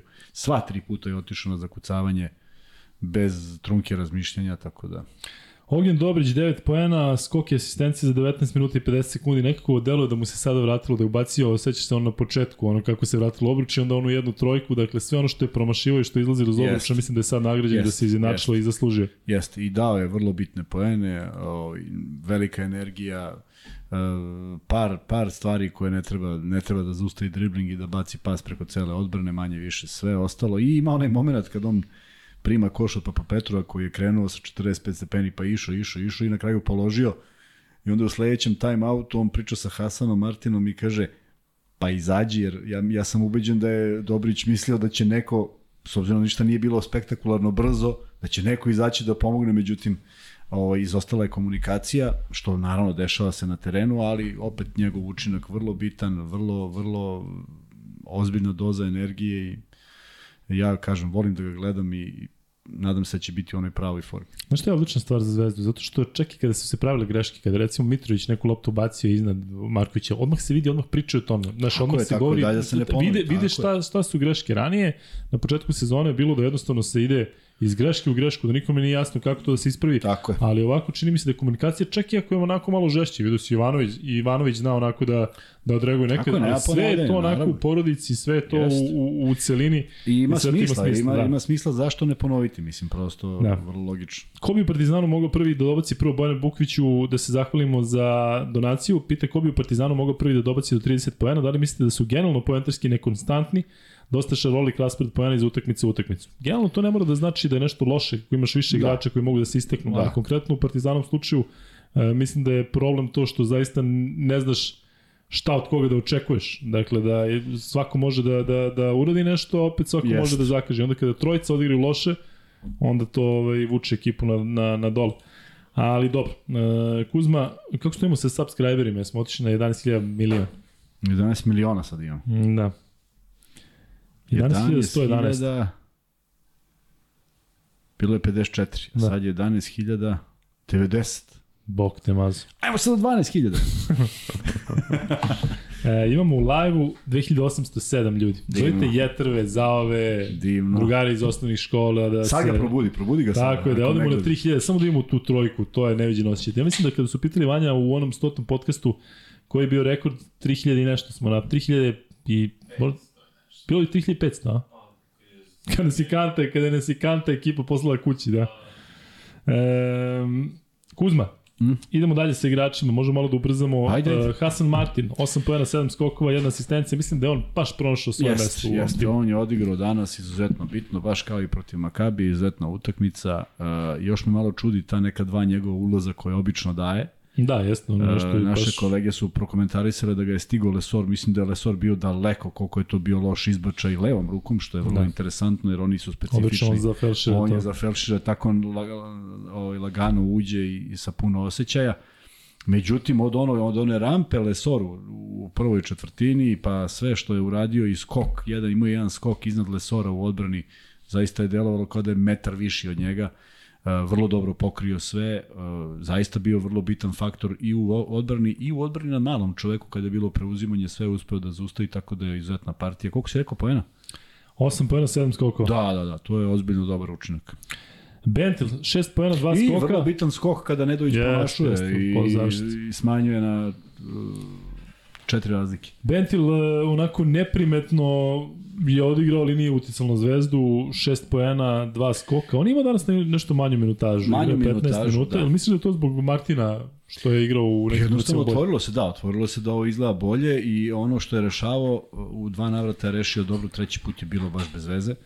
Ali ne verujem da je to neka, neki razlog što on je igrao, prosto uh, gleda koncepciju šta se dešava na drugoj strani, ko može da čuva i jednostavno tome se prilagođava, svaki igrač koji uđe. Ja mislim da je Martin malo mobilniji, a s obzirom da je Lesor uh, neko ko je izuzetno mobilan, možda je išao na tu varijantu. Što se tiče niskih igrača, kad čuvaju visoke sa udvajanjem sa čelne linije, potpuno je nevažno ko od tih igrača je onda tu, možda neko pokretljiviji da bi stigao u rotaciji, prema tome sve ima svoje. Ne verujem da je išta prepušteno slučaju, a da li je Bentil igrao 8, 15 ili 20, to ne znači da će sledeću utakmicu igrati išta slično ovoj. Prema tome, Ivanović to dobro radi, dobro traži, pronalazi i koristi svih 12 igrača. Da vidim da ovde ljudi konstantno pitaju Luka, reci kako si podneo poraz, e, evo sad konkretno, kakav je osjećaj bio kad je Nedović dao trojku za pobedu. Pa meni je drago što je bilo neizvesna utakmica, što nije bilo incidenata uz te neke um, povike sa tribina koji su nažalost postali standardni deo svega, ali e, zaista sam se plašio da može da dođe do nekih problema. Tako da ovo na terenu, Drago mi zbog Nedovića, moram priznati da mi je drago zbog Nedovića, zato što taj momak je, e, znate kako je bilo njegovo leto, povreda tokom reprezentacije, pa onda neispunjena očekivanja na početku kada se vratio u zvezdu, tako da mi je baš drago i ovo što je Kuzma rekao, mislim da je jako značajno za njega. E, videli ste da nije proslavljao na način na kojim bi se nekome zamerio, ovo je jedan od najvećih šuteva u njegovoj karijeri. Posle meča je rekao da je ovo neopisivo osjećaj i da se jednom dešava u životu. Tako da, lepo se iskontrolisao i zaista sve pohvale. Mislim da, da će Zvezda dobiti još mnogo načinom na koji je dobila ovu utakmicu i ovo što je Kuzma pričao, ima i dalje neki problem u Nedoviću igri, ali sve to može da se to rečeno ispegla tako je, tako i da bude iz utakmice u utakmicu sve bolje. Um, Možemo Vanja da, ili da držimo i dalje ovaj pol, a? Ajde držat ćemo i dalje, nema veze. Dokle, ovaj, sve dok prođemo igrače. Uh, Andjušić, 5 poena za 10 minuta, samo 10 minuta, ali pet vezanih poena jeste promašivao do tada. Uh, jedan od pet je njegov šut za tri, ali pogodio trojku za koju je delovalo na početku posljednje četvrtine da je prilično značajna. Jeste, ali, ali nije to njegova igra. Ja mislim da njega pogađa ovaj, što nije što nema veću, veću, veći značaj i veću minutažu i mislim da to utiče na njega. Jel ga On- guši Panter? Da, on pokuša, on pokuša da u, u rekordno malom vremenu uradi što više Da. da. toga. I onda sam sebe isforsira. Inače, mislim da ne bi sebe forsirao, da on zna da ima pravo i na grešku, da ima pravo da uzme šut pa da promaši, mislim da bi mu bilo lakše. Kao Panter. Tako je.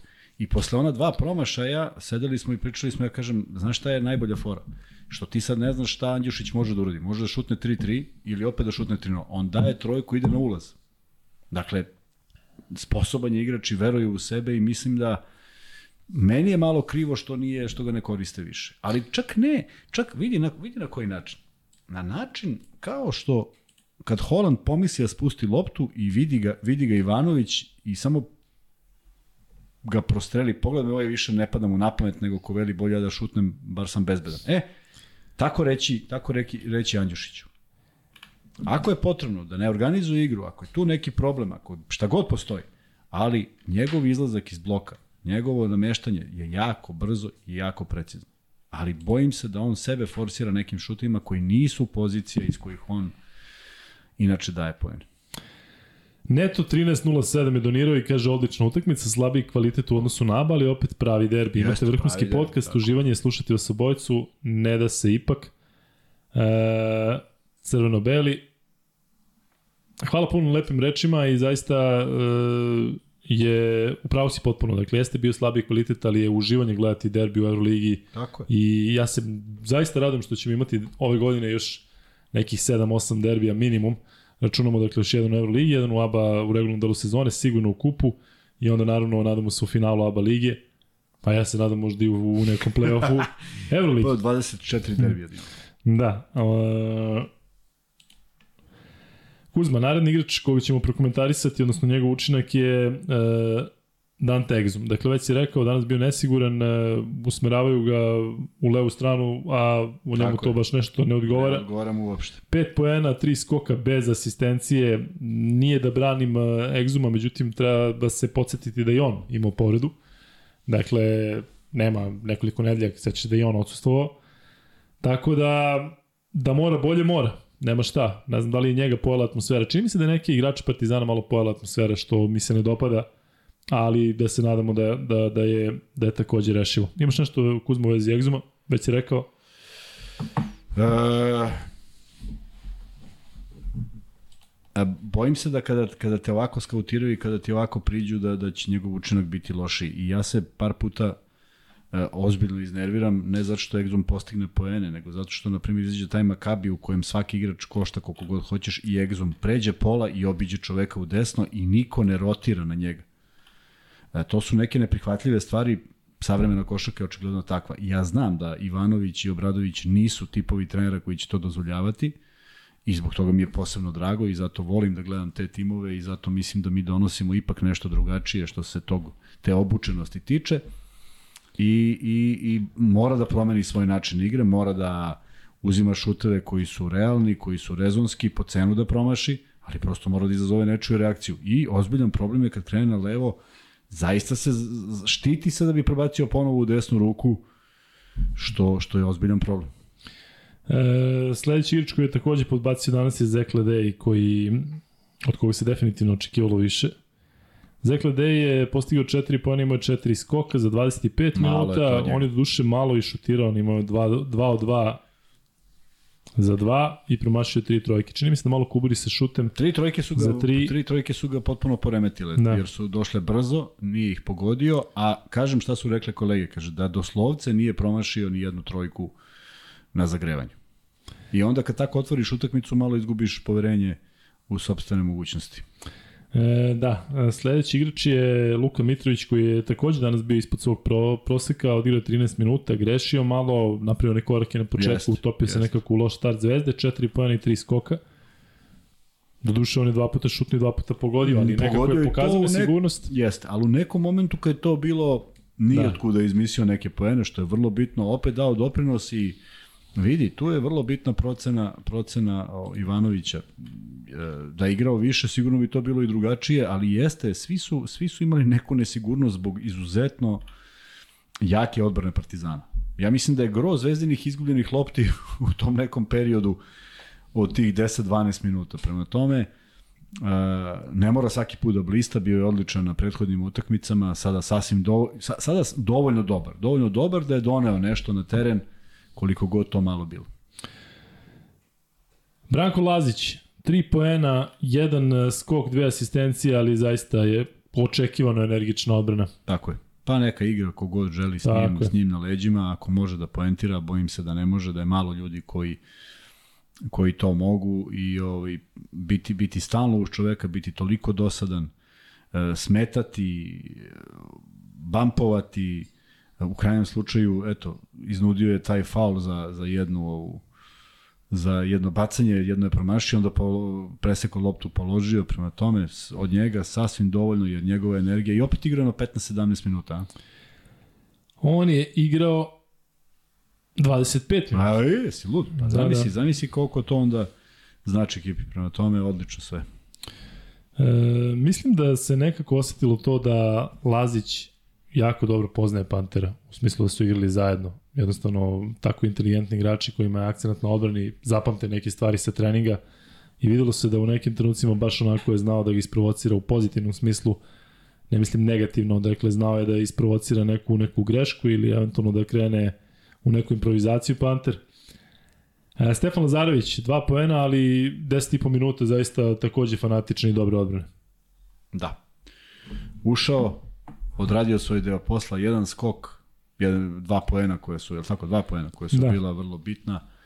Uh, zamenio, odmorio nekoga, uradio nešto, uh, igrači koji su preko potrebni i vraćamo se, vraćamo se. Evo, ajmo da uzmemo, ajmo da uzmemo uh, Evo pitanje za, za navijače Partizana, ne moraju zvezini odgovaraju. Učinak, učinak potpune trojice defanzivaca. Tako ih nazivaju. Lazić, Marković, Lazarević i evo sa tri bilo koja koje su van petorke Partizana. Ko, ko, ko je dao veći utisak? Ve, veći Da, doprinos? da. Pa ne znaš nikoga da staviš kada pričaš o Partizanu defanzivcima ko Ne mora ko da je daj bilo koja tri igrača. Da, ali ne možeš- možeš... Partizan nema ni jednog igrača koji defanzivno osim Papa Petru i Madar koji, koji neko je pitao za Madara, on vrši pritisak zato što jednostavno tako igra. On jednostavno stava u struji i pokretan je i sve. Upravo, pa je sad ovo. Seti se, seti se učinka, setili smo se učinka ove trojice i seti se uh, uh, nešto što ne mora nužno da pokaže, ali može da se desi da pokaže uh, nesigurnost. To je ono što smo spomenuli i Trifunovićev i uh, Vukčevićev šut, kojim se vraća lopta pa ponavljaju taj šut. Znači nije to sigurna igra. Kad Marković šut, on čovjek uzima šut koji uzima već 15 godina i ne razmišlja mnogo o tom. Ali ekipa oseti neku sigurnost, ako ništa drugo iz nekoliko razloga zbog kojih je on na terenu. Prema tome, a, mislim da bi Partizan sa takvom trojicom igrača tog profila igrao sigurno bolje. Dolazimo do igrača koji su igrali manje. Smajlagić 2,5 minuta, ništa. Ne moramo ni da... Trifunović, to da. smo rekli za 3,5 minuta, odbilo mu se lopta u ruke, poentirao što je meni bilo drago, ali čim je ušao, mislim da je napravio Da. neku grešku i pokazao neku nesigurnost, da li neki faul koji je bio bespotreban. Bio je faul. Jeste. Vučević je pokazao loptu i faul. energiju za ovih 13 minuta. dva Ali on je dodao jednu loptu koja se nikad ne dodaje. On je uzao fintu šuta, dakle šutiraš i ne razmišljaš kakvi sad dodavanje, pogotovo ne Lesoru, nije on čovjek koji prima te pasove baš tako lako. E, Brodzijanski 2 katastrofalna Ništa, minuta, da. Holland 3 minuta je bez učinka. Holand, da, potpuno, potpuno ušao, čak u onom momentu kad ulazi, negde sam skeptičan kako će da bude i ispalo da se ništa nije desilo što je dobro, ali napravio jedan faul, ja bih se zaklao. jel Tako. I imao jednu, jednu, jednu ukradenu loptu, to jest izbio je loptu koja je otišla u, u, ovaj, u aut. To je to. Kuzmić na početku 2 minuta, Ništa, malo nije dva se sa Lesorom se loše nosio da, i Da, da, ali vidi sad ovo. Lesor, je, Lesor otvara utakmicu sa promašajem ispod koša. Sećaš se? Levom rukom. Zašto? Pa zato što je Kuzmić tu.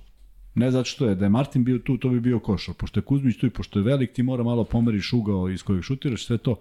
Tako da, Kuzmić ima svoje, tačno ima ekipe koje mogu da mu prijaju sa onim tall, fall, mol i kako se zovu oni svi od pred, preko 2.15 i tu je on dobar. Inače, kad su niske petorke, kakva je, evo, Lesor je izuzetno mobilan i jako ga je teško čuvati, pa videli smo koliko je Martin imao problema koji je kudi kamo mobilniji. Prema tome, nije lako uh, napraviti dobru poziciju protiv Lesora, ali će biti utakmica da će Kuzmić biti upotrebljiv i treba strpljivo da radi i ne mislim da igra loše, on samo igra malo, ali to što odigra ne deluje mi uopšte problematično za zvezdu. Stefan Marković 12 minuta problemi na početku. Jeste. nekako od njega se očekivalo da Jeste, izvuče bude zvezdu iz onoga, napad, da, on da, se nekako da, da. I on najgore, to. ona lopta što je poklonio Madaru, to je Jeste. baš, baš Da, nešto ono- atipično za njega, ovo sve ostalo ovaj, video se, e, da se razumemo, nije tu Marković nešto grešio koliko je odbrana bila opasna. Dakle, ne može on da, da pogreši on može samo da baci precizan neprecizan pas, ali ni igrači koji su trebali da primeti loptu nisu tako lako uspeli da se oslobode, naročito ne u prvih 8 minuta. Partizan igrao zaista izuzetnu odbranu, ali ali kako je kako je odmicalo vreme, tako je taj intenzitet padao i onda je i napad bilo la- lakše organizovati. Naneli samo 8 minuta bez učinka. Tu se nešto desilo. Da. Sa kod Nanelija se nešto desilo, zašto ga je Željko izveo i nešto mu je ozbiljno ispričao, šta je bilo po sredi, ne mogu sada se setiti. Čudno s obzirom to da bi trebalo da je Jest. Naneli jedan od pouzdanih. Jeste, ali nešto, nešto ga iziritiralo, e pa to je upravo to, ti kada očekuješ od tog nekoga, taj ne sme napraviti tu Da. da. grešku i to je tako od uvek bilo. Ali, ali onda, onda i kod Pantera treba reagovati isto. To bi bio neki moj princip, zato što mislim da a, jedno iskustvo Nanelija i broj odigranih utakmica ovog intenziteta i ovog nivoa je trebalo da bude prednost Partizana, on je u suštini jako malo bio na parketu. Ako je sve u redu i ako je zdrav. E, možete sada da postavljate pitanja, da vidimo da odgovorimo na neko pitanje u vezi derbija pre nego što pređemo na, na ono što čeka Partizan i Zvezdu u narednim danima. Dakle, e, Vanja, možda ugasiš sada ovaj pol da vidimo 2500 imamo Kuzma glasove, znaš? Imamo glasova toliko. 2500 Šta, glasova. šta su glasovi? Sad ćemo da vidimo dalje. 81% Zvezda, Partizan 18%. Vanja, čekaj, kako znaju oni? Jel mogu neko da vidi ovo? Zato što su ovde puštali pre nego što si ti završio neko puštu kao 80. Šta? Da. Jel? Gde? Mogu ja da vidim to ovde? Možda naravno sve vreme. Uvijek si mogu Me zezaš? tebe. Ja ne. Ovaj, e, Možda ako nije ulogovan tu... nije ulogovan. Nije ulogovan, da. Može. Nije Možda, ulogovan. možda, ne znam. Ali svi vide. Da. E, Kuzma, kako stojimo sa subscriberima? Ili prilazimo 12.000 tam? Ne smijem da gledam čovjek. da, da, nas ne udari srčka mi sada ne sred prija. noći. E, Kuzma, mišljenje o ovo izjavi Lesora da će da pojede zvezdu za glavno jelo? Ma vidi, to su izjave, ja sam je spomenuo danas u studiju, ovaj, ja ne volim te izjave, znaš, to, toliko su bez pokrića u neko, i u neko drugo vreme i nikad nisam voleo tako da se, kad završiš kažeš šta si Posebno imao ako da si izgubio kažeš. 8 dana. Posle ako si izgubio, da. Te I sad, dobro, ti hoćeš da se motiviš, ali postoji način na koji se motivišeš, ovo nije taj, zato što izgoriš u toj želji. I mislim da je on sebe doveo u to. 11.121, mi smo sad prešli 11.000. 1-1, 1-2-1. Da. 10 neko otkažu da bude 1 1 1 1 1. Ovaj i to su to su mnogo je takvih primera. Ej, znaš koliko sam u karijeri gledao tih izjava, mi ćemo ovako, mi to sutra jedemo, gazimo i sve ostalo. Kad Si imao nekog sagrača koji se tako isticao negativno? Ne, zaista privilegovan da nismo to... Ovaj, Ni u onoj zvezdi u toj jednoj sezoni. ne, ne, pa ko? Ko? Trener je Amerikanac. Ma kako, ma da on nije znao da li je došao ili pošao. Ko? Benča? Pop? Svi, svi, smo, svi smo bili vaspitavani u jednom drugom, nisi ti mogao sad tu nešto kao ja ću. Ko, ti, ko te pita uopšte? Tako da nije imao ko i jeste to malo proizvod novog vremena i bilo je nekih i ima igrača koji ti kažu šta će se desiti, stvarno se desi. I ja, ja te svrstavam u, u kategoriju nedodirljivi. Dakle, ovaj, ima ona anegdota kad je, kaže, ovaj, priča Dominik Wilkins, kad je Michael Jordan ušao u nekoj utakmici tamo 86. 7. u slačionicu, kaže, svi u šoku gledaju. I kaže, danas 60. I 63, znači to su to je mali broj ljudi. Ali pritom uh, imaš i način kako to možda izjaviš da bude simpatično. Ali ja razumem Lesorovu želju. Vidi, on je, on je negde ostao kako bih ti rekao necenjen zbog onog promašaja koji je mogao se desi bilo kome, bilo kada, ali taj promašaj je uticao po kojem ga pamte navijači zvezde. I on sad želi na sve moguće načine da dokaže Da da su, suprotno. da. I seti se njegove finalne serije prošle godine, pa to je bilo neverovatno koja je to energija bila i koliko je on držao Partizan. I sad je želeo više, ali ne zaboravimo da je on pre 10 dana bio bolestan. Da je pre 10 Jest. dana bio nekim antibioticima i da nije trenirao. I da je na derbiju već prvom bio a, a, a, nije bio ni bleda senka onoga što je mogao da igra. A danas je to uradio u neki 20 minuta.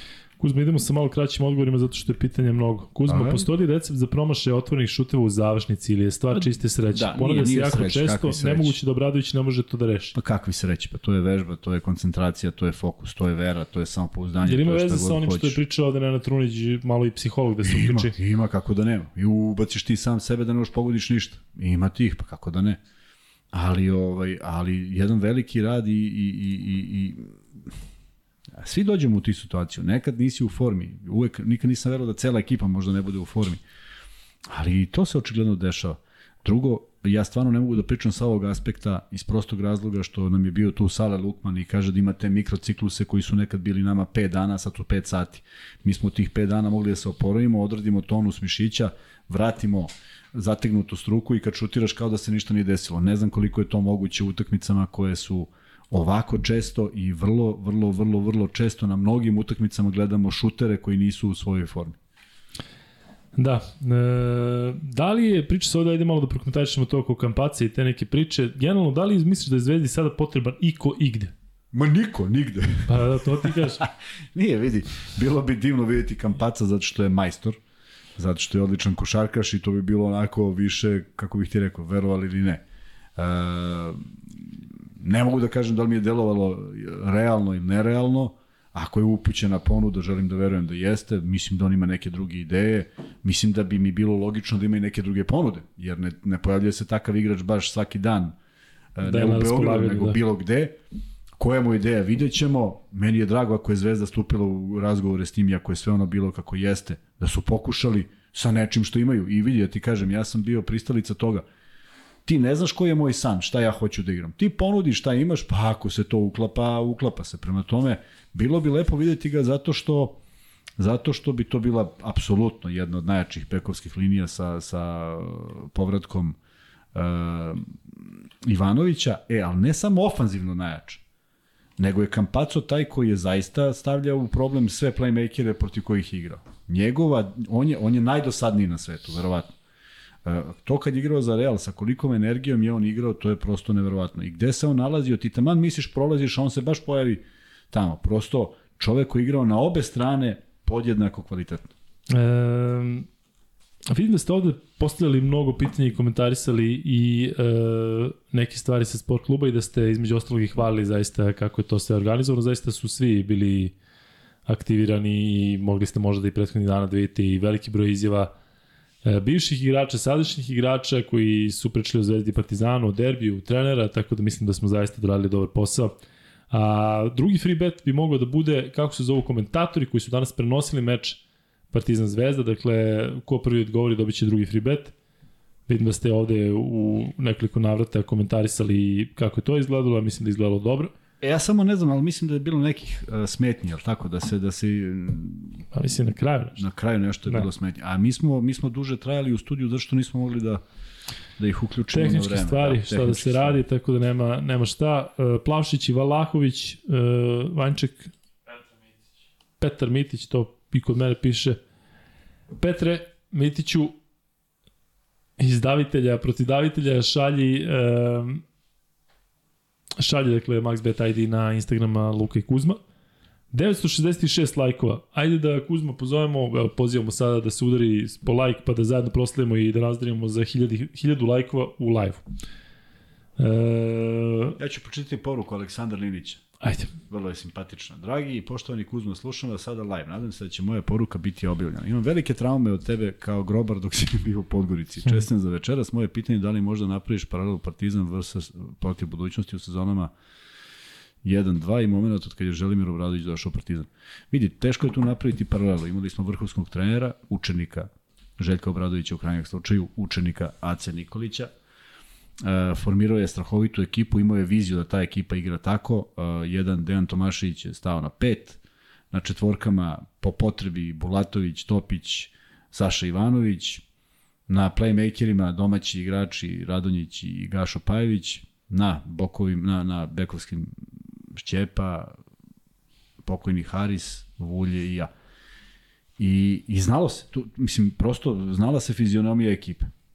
Ali pogledaj sad to, ti imaš tu 3, 4, 5, 4, 5 domaćih, ne domaćih, šest igrača koji su iz tog mentalnog sklopa i koji za klub, ja ne mogu da vam objasnim ljudi kako su kako su igrači budućnosti doživljavali klub i koliko su ovaj dali promociji košarke u Podgorici, koliko su želeli pobedu, nekad nekad možda i prevazilazili neke ovaj no- norme ponašanja, ali to je samo iz jedne velike želje koja stvarno ovaj e, zna da bude posebna. Ne mogu da uporedim s tim iz prostog razloga što je Željko došao u momentu kada je trebalo re- rekonstruisati skoro ceo tim i ja duboko verujem da su da je svima žao što su morali da se odreknu tih nekih igrača koji su godinama igrali za Partizan, a pre svega mislim na Dangubića i Zagorca i da bi to bila potpuno drugačija priča danas, da su oni u ovom sastavu, da Partizan raspolaže sa 14 igrača, kao što Zvezda ima te neke, pitaju za Dalibora Ilića, ja stvarno ne znam šta je Daliborom Ilićem, ali mislim da on ulazi polako u neki ritam da će se pojaviti uskoro makar u dresu, na, na, makar na parketu u okviru Jadranske lige. Ali teško je za poređenje zato što smo nekako svi imali svi smo bili zajedno. Svi smo imali jedan cilj. Svi smo bili želi da dominiramo tom ligom. E, Svi smo protivnike shvatali ozbiljno. E, Nažalost nismo nismo imali dobar raspored i dobru dobre uslove za Euroligu, ali možda bi to bilo drugačije, jer mislim da smo imali potencijal. Da smo bili možda malo malo smo neiskusno ovaj, prihvatili sve to, iako bi trebalo da je Muta bio čovjek koji je već to iskusio, Dejan i Brkić koji su igrali Euroligu, ali nekako kao da tim nismo ušli u sve to dovoljno spremni. A, mislim da je ta ekipa bila moćnija od ove sadašnje Partizanove, naravno mogu da budem i subjektivan, ali ovaj deluje mi da se ovo da se da se u toj ekipi radilo ovo što se radi kod Ivanovića, da se znalo ko šta radi, ko je za šta zadužen, ko šta treba da obavlja od poslova i neka mi ne zamere sad svi ovi igrači koje sam spomenuo, ipak mislim da je sledeće godine budućnost bila još jači tim. Možda ne individualno, ali jači tim. Milojević, Čobarkapa, Vrakočević, Obradović. Znaš, neke stvari koje nisu funkcionisale u prvoj godini došle su u drugu. Drago mi je da se seća tih utakmica, žao mi je što sam bio trauma, ali ovaj, prosto tako se desilo. I mislim da smo igrali odličnu košarku i e, e, sa ponosom pričamo o tim godinama jer mislim da je to bila da je to za mnogi od nas bio najbolji najbolji ovaj period u, u, ko- u, što se kvaliteta košarke tiče. Dobro, Dobro, Ne, ajde, gledam ovde. završio. e, nisam očekivao tako dugačak odgovor, pa, Pa sam, eto, malo sam se remetilo mi se sve. Da, ti si. E, Vanček, stavi pol da vidimo da li bi ljudi, da li se iko slaže sa mnom da mislim da bi bilo ko sada narušio ovu uh, idilu u Zvezdi i piti da li biste volili da dođe Kampac u Zvezdu, da ili ne. Uglavnom će odgovarati na jači Zvezde s obzirom na to da su tu. E, ali nekako onako dođe, da li može da izdigne Zvezdu, nekako je ovo baš neka harmonija. Čak se ne vidi ni to odsustvo Ivanovića, tako Kuzma? Dakle, on je potpuno neprimetno da je on povređen, tako? Šta je? Bojan Kostić sa Kosova kaže danas se će vidjeti uz poruku sve što se danas dešavalo na Kosovu. Nisam uspio da ispratim sve, sam čuo da su se tenzije. neki dešava, neverovatne, pa nisu samo tenzije, nego nešto su na, na, na severu Kosova. Strašno, Neke drame, molim vas da pišete vi za Gotovuše, da li ste dobro, šta se tamo dešava, vi možete to da, da, da bolje procenite, naravno, e, iz cele te situacije, si pa nam javite čitao da je dobro. ovo. Ne. E, ne, pojma, dobro je. E, šta beš? Ajde, nek napiše neko. Ne, da, možda ide ljudi. E, da li bi, da, odsustvo Ivanovića se pot, ne vidi, Ne vidi se, vidi se, vidi se, ali je zakrpljen. pa tako je. Vidi i se, to- da, da, da. Bilo bi još interesantnije da je on bio tu. Ipak je ušao u dobru formu i zaista želim da se oporavi što pre. I odmah da neke stvari kažem, ja uopšte ne mislim da, da to što se desilo ima bilo kakve veze s namerom. Dakle, ne mislim da je Leda i neko ko je u tom kontaktu imao ikakvu nameru da povredi Ivanovića. A, danas imao dva gruba faula koje su bila vrlo interesantna, ali su karakterisani kao faulovi i sudije su tu bile na licu mesta, sve to bilo u redu. E, Čak ne mislim da su oni bili za povređivanje, nego jednostavno proizvod neke nervoze i neke želje da se pobedi. Da, ovde neko baš komentariše i kaže ko ne bi volao da vidi Kampaca, ali mislim da je nepotreban. To, na to ja mislim da ne bi trebalo sada da, da se poboljšava nešto što ide u odličnom poravcu da. e, novim igračima, barem ja tako mislim. E, Kuzma, e, Zvezdu i Partizan e, čekaju naravno novi mečevi jako brzo. Partizan gostuje CDVita Olimpiji. Olimpiji, CDVita Olimpiji koja je pobedila ubedljivo Ulm u ovom kolu Evrokupa, ovo će biti mnogo, mnogo teža utakmica Da. nego recimo Da. ona protiv budućnosti. Da. Utakmica koju Partizan mora da dobije. Ako tu izgubi, to već komplikuje njegovu situaciju u ABA ligi, može eventualno da anulira onaj poraz Zvezde od Zadra, u smislu da će sad i Partizan i Zvezda imati Da. po poraz, a što se tiče Zvezde, Zvezda u narednom kolu gostuje Megi, i to neće naravno biti laka utakmica, Neće, ali su, sa ovakvom želje, energijom. Tako je. Tako je. Ovo su želje svih tih klubova da, da, da pobede Euroligaša i to je potpuno legitimno. A, nije zgodan moment prve pobede a, CDVita što se Partizana tiče, baš nisu morali sada. Ali možda i bolje što su sada, pa ovaj pa neće ta prva biti na utakmici protiv Partizana. On, igrači Partizana moraju ozbiljno da je shvate, ali vidi, cela sad ova priča o kojoj vi pričamo, ja, ja- neka Partizan pobedi CDVitu dva poena razlike. Tri, pet, neka bude to tesna utakmica, ali da se ne ponove završnica utakmice, greške iz ove utakmice, ne neke košarkaške stvari koje su deo, deo košarke, nego završnica utakmice da bude rezonskija, da to bude da se zna ko šta radi. Ako tu Partizan napravi pomak, doći će ponovo utakmica koja će izgledati ovako. Jer ovo nije prva. Ovo protiv Zvezde nije prva utakmica u sezoni. Da, e, pitao ovde neko šta vidite i kakav je skor na polusezoni. Ono što ja želim Zvezdi to je da dođe do pozitivnog skora e, u odnosu pobeda i poraza u Euroligi, a Partizanu želim da što pre prekine ovu seriju. Ako je moguće već sada protiv Asvela, eto Kuzma, možemo da prokomentarišemo i e, nešto što čime ćemo se baviti u ponedljak, ali dakle naredna, e, naredna nedelja je ona nedelja duplo kola, Partizan dakle gostuje Asvelu i dočekuje Efes E, Asvel možda jeste najbolja ekipa za gostovanje u ovom trenutku. Ako već gostuješ, da ideš Asvelu gde, gde potencijalno ima šansu za pobedu. Tako? Da, da. Oni spadaju u red u kategoriju ekipa koja može da se pobedi. Nisu tako izgledali u Beogradu. Bili su Izvini, Zvezda dočekuje Monar, Zvezda prvo dočekuje Monar, pa tek Aha. posle dočekuje, tek Aha, posle gostuje sad to sve menja. Sad moramo Sve iz početka. menja, sad moramo dakle, iz početka. sad će ovde da kritikuju ovo, ali... Moramo iz da, početka. Da. Dobro došli u 106. izdanje podcast. 106. 106. Jeste. Jeste. Ko nosi broj 106? Brad Gladerice. Andrew Anderson. E, Edward Edwardson. E, slušaj što sam te da kažem. U vezi Partizana i Asfalt. Jeste, jeste. Ja bih voleo, ja bih voleo da tog januara, kada krene drugi deo, da Zvezda i Partizan imaju po onoliko pobjeda koliko su domaćinstava imali. I mislim da bi to bilo vrhunski. Kad bi to tako moglo.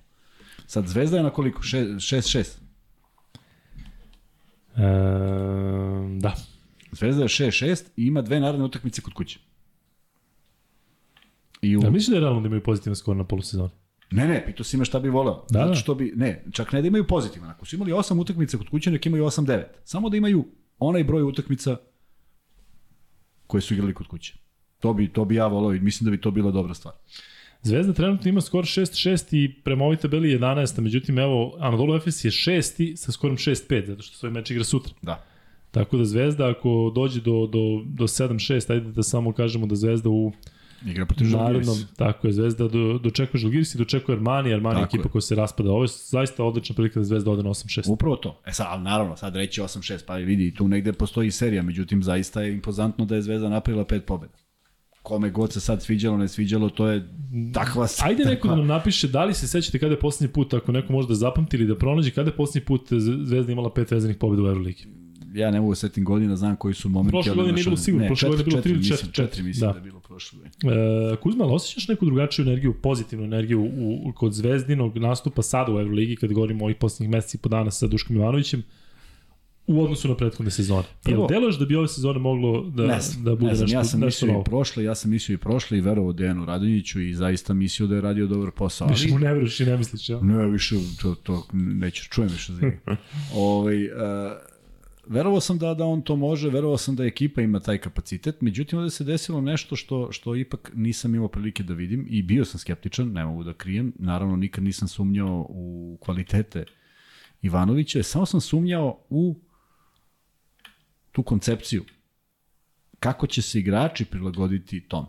I to sam i rekao, zato što se ne prilagodi svako na, na, na, na dobar način, neko reaguje ovako, neko reaguje onako, međutim ovde deluje da je to kliknulo na jedan. Zašto i kako, nije, nije baš objašnjeno, jer ipak je to 12, 13, 14 ra- drugačijih glava. Kako je sad moguće da su svi baš, kako je moguće da Ivanović postane odjednom preko noći ubojitiji a, a, a, igrač, šta je to što mu je prijelo, ali nešto jeste prijelo. I malo je u stvari onih kojima ne prija, to je evidentno, i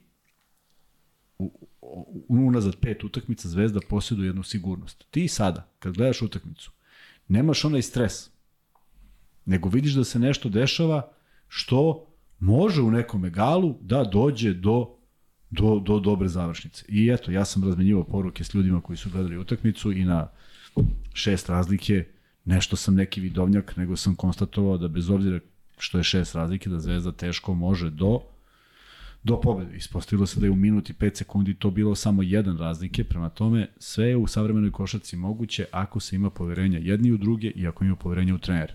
Energija kojom ovaj Ivanović radi je fantastična i ako neki od igrača sluša konferenciju za štampu i šta on ispričao svojim igračima, mislim da mora da bude zadovoljan u svakom smislu. Kuzma, šta treba Partizanu da bi doživao ono što je doživjela Zvezda, to je potpuni dakle preokret e, u svemu. Dakle Zvezda je promenila trenera. Šta je potrebno Partizanu? Da li možda neki novi igrač da se neko vrati, te Aleksa Vramović koji je počeo da trenira, dakle nešto da se on desi neka iskra. da se vrati, on sigurno da se vrati, pa već bi već je Smajlagić bio iskra, ali se povredio odma. Mora, mora nešto da se poremeti i mora ono što, što, što me najviše čudi, to je to je to insistiranje na nekim detaljima koji očigledno ne funkcionišu. Ako je Ivanović za 7 utak, za 5 utakmica doveo da ti neki detalji budu prepoznatljivi. Vidi, da je Vildosa danas probio i da doda, išao na koš i promašio, ništa. Da je Vildosa dodao i bacio Nedoviću i Nedović promašio ništa, jer je došao trener koji je rekao ja hoću takav, takvu završnicu. Ali, da je loptu dobio neko ko nije planirao da je dobije, onda bi verovatno bilo pitanje o čemu se radi i šta taj čovjek misli da li treba da igra neku svoju košarku. Prema tome, meni smeta što gledam sličan scenarij u Partizanovim utakmicama, mogu da ih nabrojim četiri ove sezone, a nije mi objašnjivo zbog čega je to. Evo, samo pre nedelju dana je bila utakmica protiv Valencije koju je Partizan morao da dobije. E, da, Kuzma, e, šta nas, šta nas čeka u narodnom periodu? I što se tiče Zvezdi Partizana i pa, svega, da li trebalo malo, da bi, da li bi trebalo malo sada e, da Partizan možda spusti očekivanja za početak? A i da Zvezda ne, ne poleti Samo previše. Zvezda ne poleti. Da ja mislim da Ivanović neće, da. Ja mislim da Ivanović neće, neće dati da, da polete, zato što nema zbog čega da lete. Imao je danas interesantno pitanje na konferenciji štabu, vidite li se u top 8? On čovjek kaže, pa sad, sad je decembar, kaže, mene zanima šta ćemo mi sledeću utakmicu da. da uradimo. I mislim da uopšte ne folira. Ja mislim da on čovjek ne dobacuje da šta i kako. On će vratno jednog trenutka da pogleda na tabelu na, na ome i da shvati da je Zvezda tu gde jeste. Naravno, to je jako mukotrpan posao i pobediti Žalgiris fantastično jednostavno zvuči, zar ne? U, sledeće nelje, Zvezda dobio Žalgiris, da, to baš tako izgleda. Prema to je naročito protiv te ekipe. A Partizan čeka sad jedna, jedna sad ovo mora bude utakmica, ne mogu kažem biti ili ne biti, ali vrlo blizu za nastavak sezone. Ja mislim da bi se pobedama protiv CDVita Olimpije i Asfal na strani situacija dramatično popravila. Ne dramatično, zato što, zato što CDVita je arhivirana u, u nastanku ekipe. Tu, tu nema neke drame. Asfalt bi bilo divno sa jednom fenomenalnom utakmicom protiv Efesa. Zašto? Rivalitet Atamana i Obradovića i pokušati na sve moguće načine. Ja mislim da Partizan potencijal da to ima, ali sa određenim obavezama u igri koje moraju da se poštuju. I, i, i, i zaista ovaj period na neki način kritičan za Partizan. Iz prostog razloga što se više I ako se vrati onaj period od tri neke uzastopne utakmice koje možda igraš teoretski kod kuće, da li ćeš biti dovoljno spreman da izneseš ovo što te pogodilo sada? Jer ovo je sad veliki, veliki broj poraza. I ovaj poraz mogo je da bude izbegnut sa dva rezonska momenta, sa dva, dva drugačije, dve drugačije odluke, sa mnogo više rezona u, u završnici utakmice. Ali kad gubiš na ovaj način, prosto kako, šta ispraviti? Da se pojača da. trening? Kako miš da pojačamo trening? Jače od čega da radimo? Šta treba? Da skaču više, da trče brže?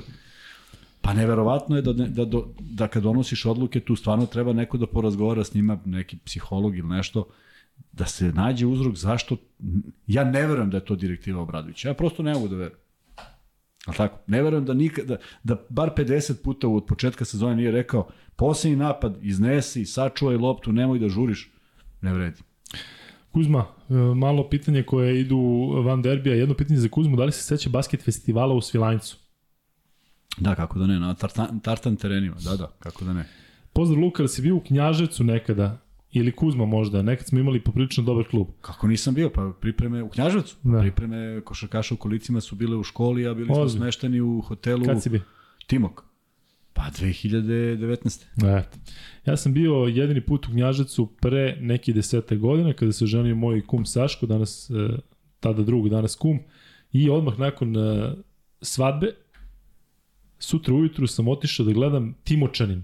Otišao sam da gledam mladi futbolski klinici, 10-12 godina, seo sam na tribini i gledao kako Timočanin igra neku, ovaj, neku tu lokalnu ligu i bilo mi lepo, gledao sam futbol. E, sećam se da sam u tome, da sam tražio i tokom svadbe RTS, tada je Marković bio u hemoformu, pa koliko to možda ima godina, ima desete godina. E, Zvezda hemoform je bilo u pioniru, sećam se Marković Deset, naskače, 15 kreće sa godina sigurno. 10, sa, kreće sa desnih 45 stepeni, jedan dribling, drugi, drugi dribling, leva, desna i iz naskoka zakucava, znaš kako.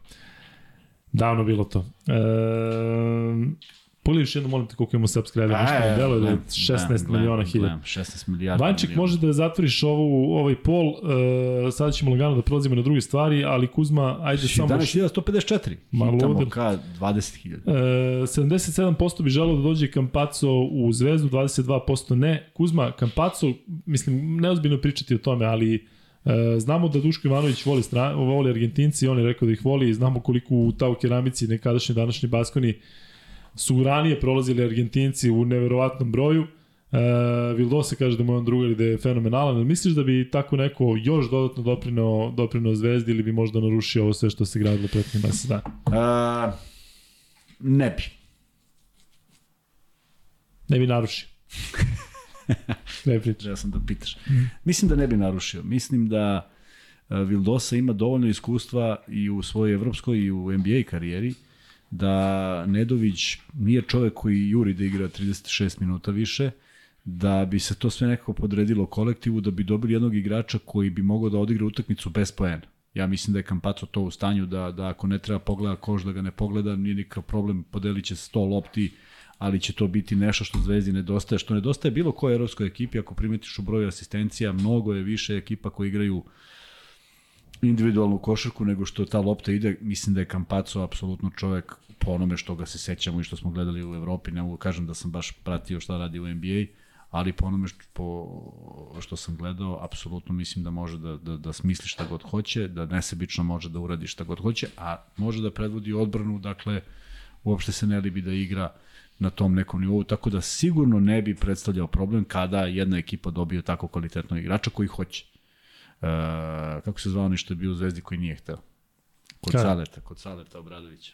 Brad. Pa je, tako je. Dobiješ jednog kvalitetnog koji igra svoju košarku i ti mu nacrtaš i on kaže važi i izađe igra svoju košarku. Kampacu apsolutno nije takav. Drugo, sigurno da bi svi oni Argentinci koji su se promovisali košarkaški kod Ivanovića rekli koju reč i Kampaco bi bio tu apsolutni vojnik. E, da, Kuzma, mislim da je vreme da lagano, ali lagano privodimo sve kraju. Reci mi, smo dobili tiket? Pa nismo, Humanitarni. mislim da je Real izgubio, a? Ja, realno je si oborio. Jel jest? Izgubio od Monaka, i ovaj, a, i ovaj naš Radonjić Ajde, je igrao nerešeno. Igrao nerešeno.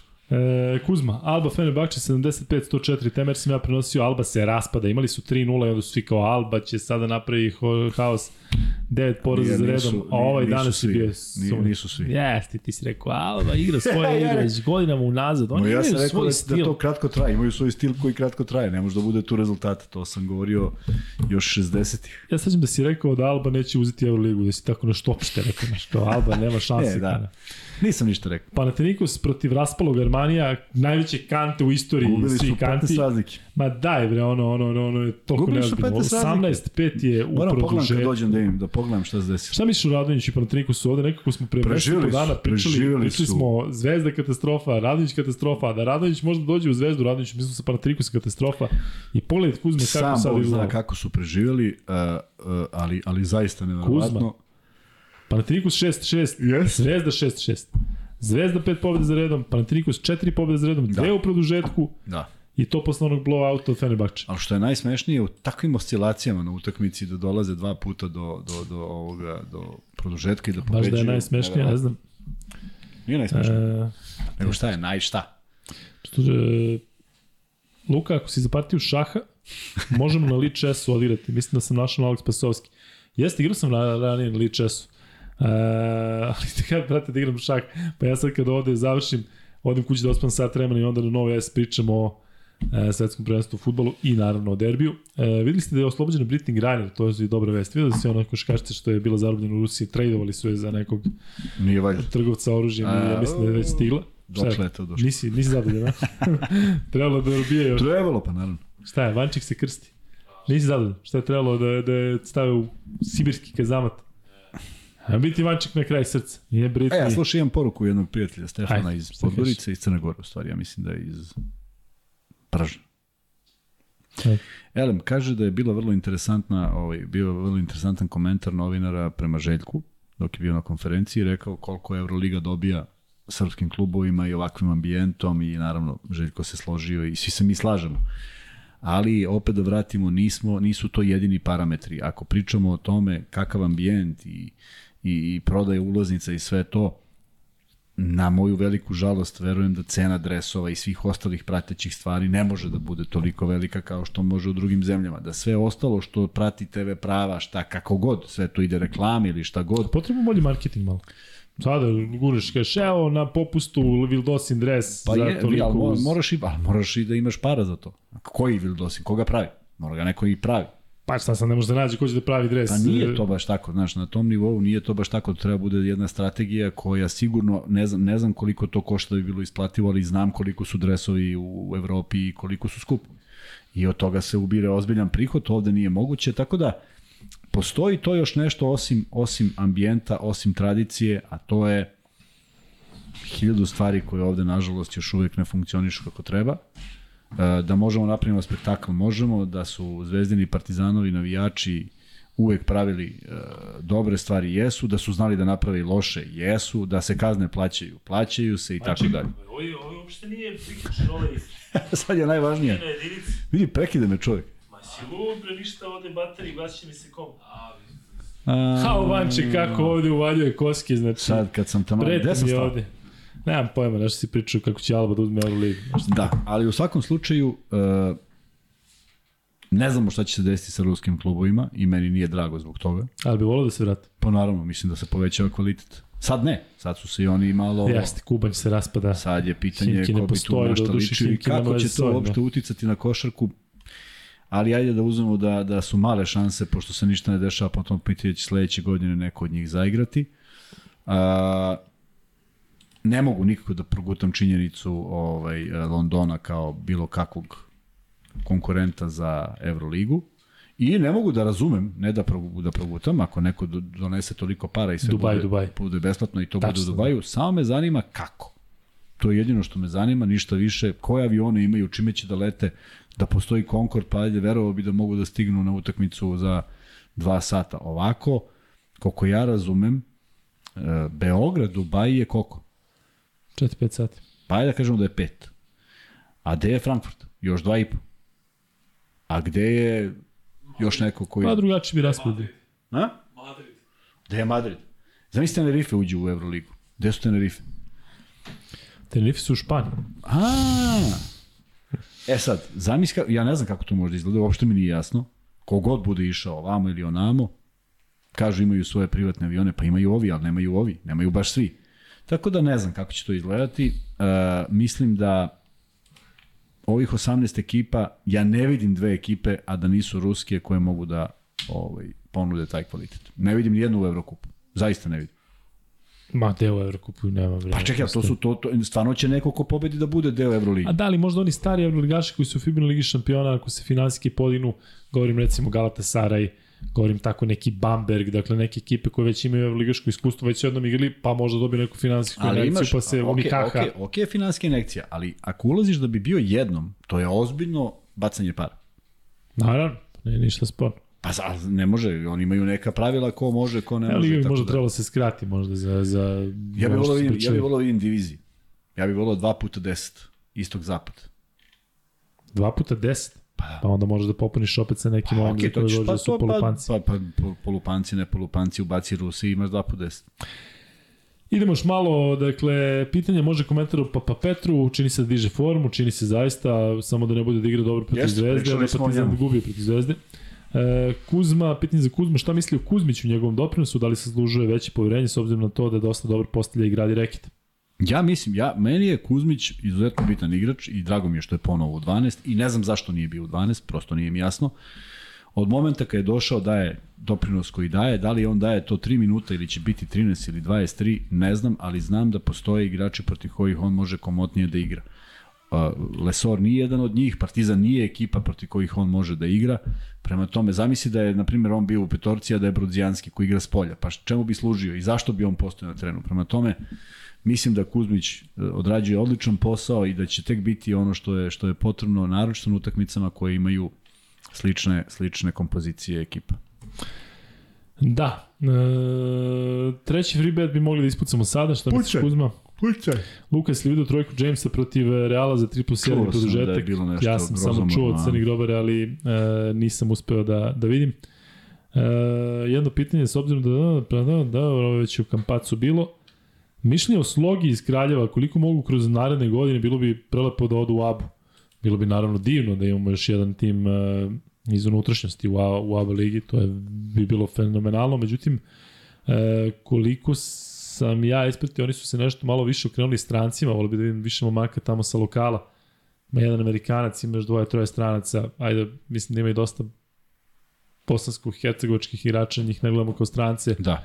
ali e, bilo bi lepo, kako da ne bi bilo lepo za Boga, pa to bi bilo fenomenalno. E, idemo na treći free bet, dakle, pošto je naravno većina ovde zvezdaša i zvezda zaslužila da i treći free bet bude za ovaj tim, dakle, nabrojite tre, sledeće tri protivnika zvezde u svim takmičenjima, ne samo u Euroligi, nego u naredne tri utakmice zvezda igra protiv koga? Ko prvi odgovori, dobija taj treći free bet, max beta.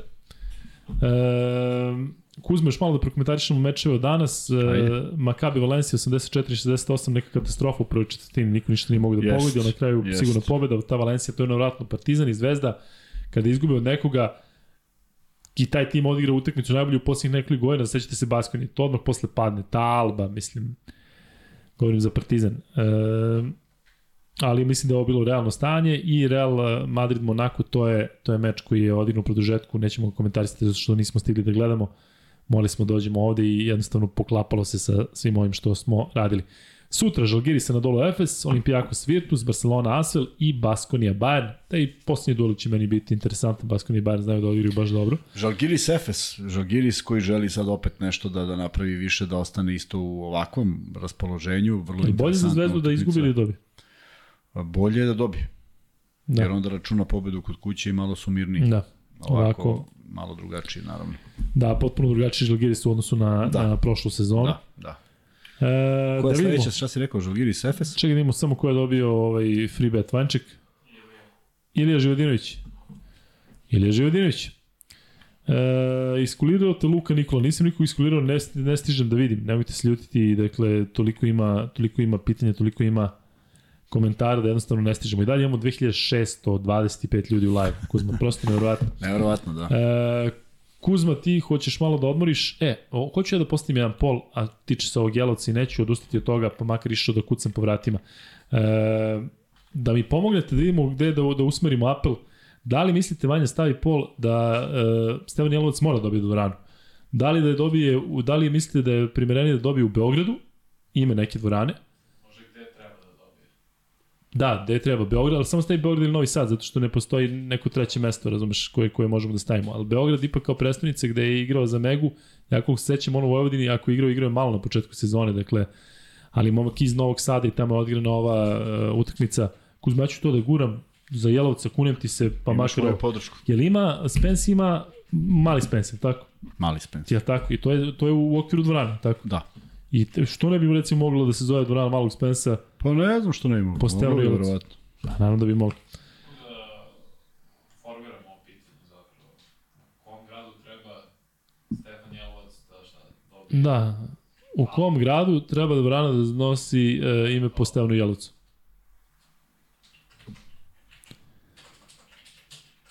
I molim vas, ako možete ovo da proširite, da dođe do ljudi, vidite koliko, koliko imamo ljudi, ovo će biti jedan od najgledanijih podcasta opravdano naravno zbog derbija, ali ajde malo da zarašimo to, da, da se više izgovaramo ime tog momka. Mislim da bi se tu i Vojvodina pitala, iako eto, neko ima dome do Rebrače. Smo zvali Rebraču u podcast, jesmo? Uh, nisam. Da, eto. Uh, mislim da se naravno tu pitaju i političari, tako da pozivamo gradonačelnike. Ja moram ti kažem još Da. jednu fantastičnu stvar. Ajde, Od momenta od kad smo objavili, ne, kad smo objavili ovaj Instagram nalog, dobro.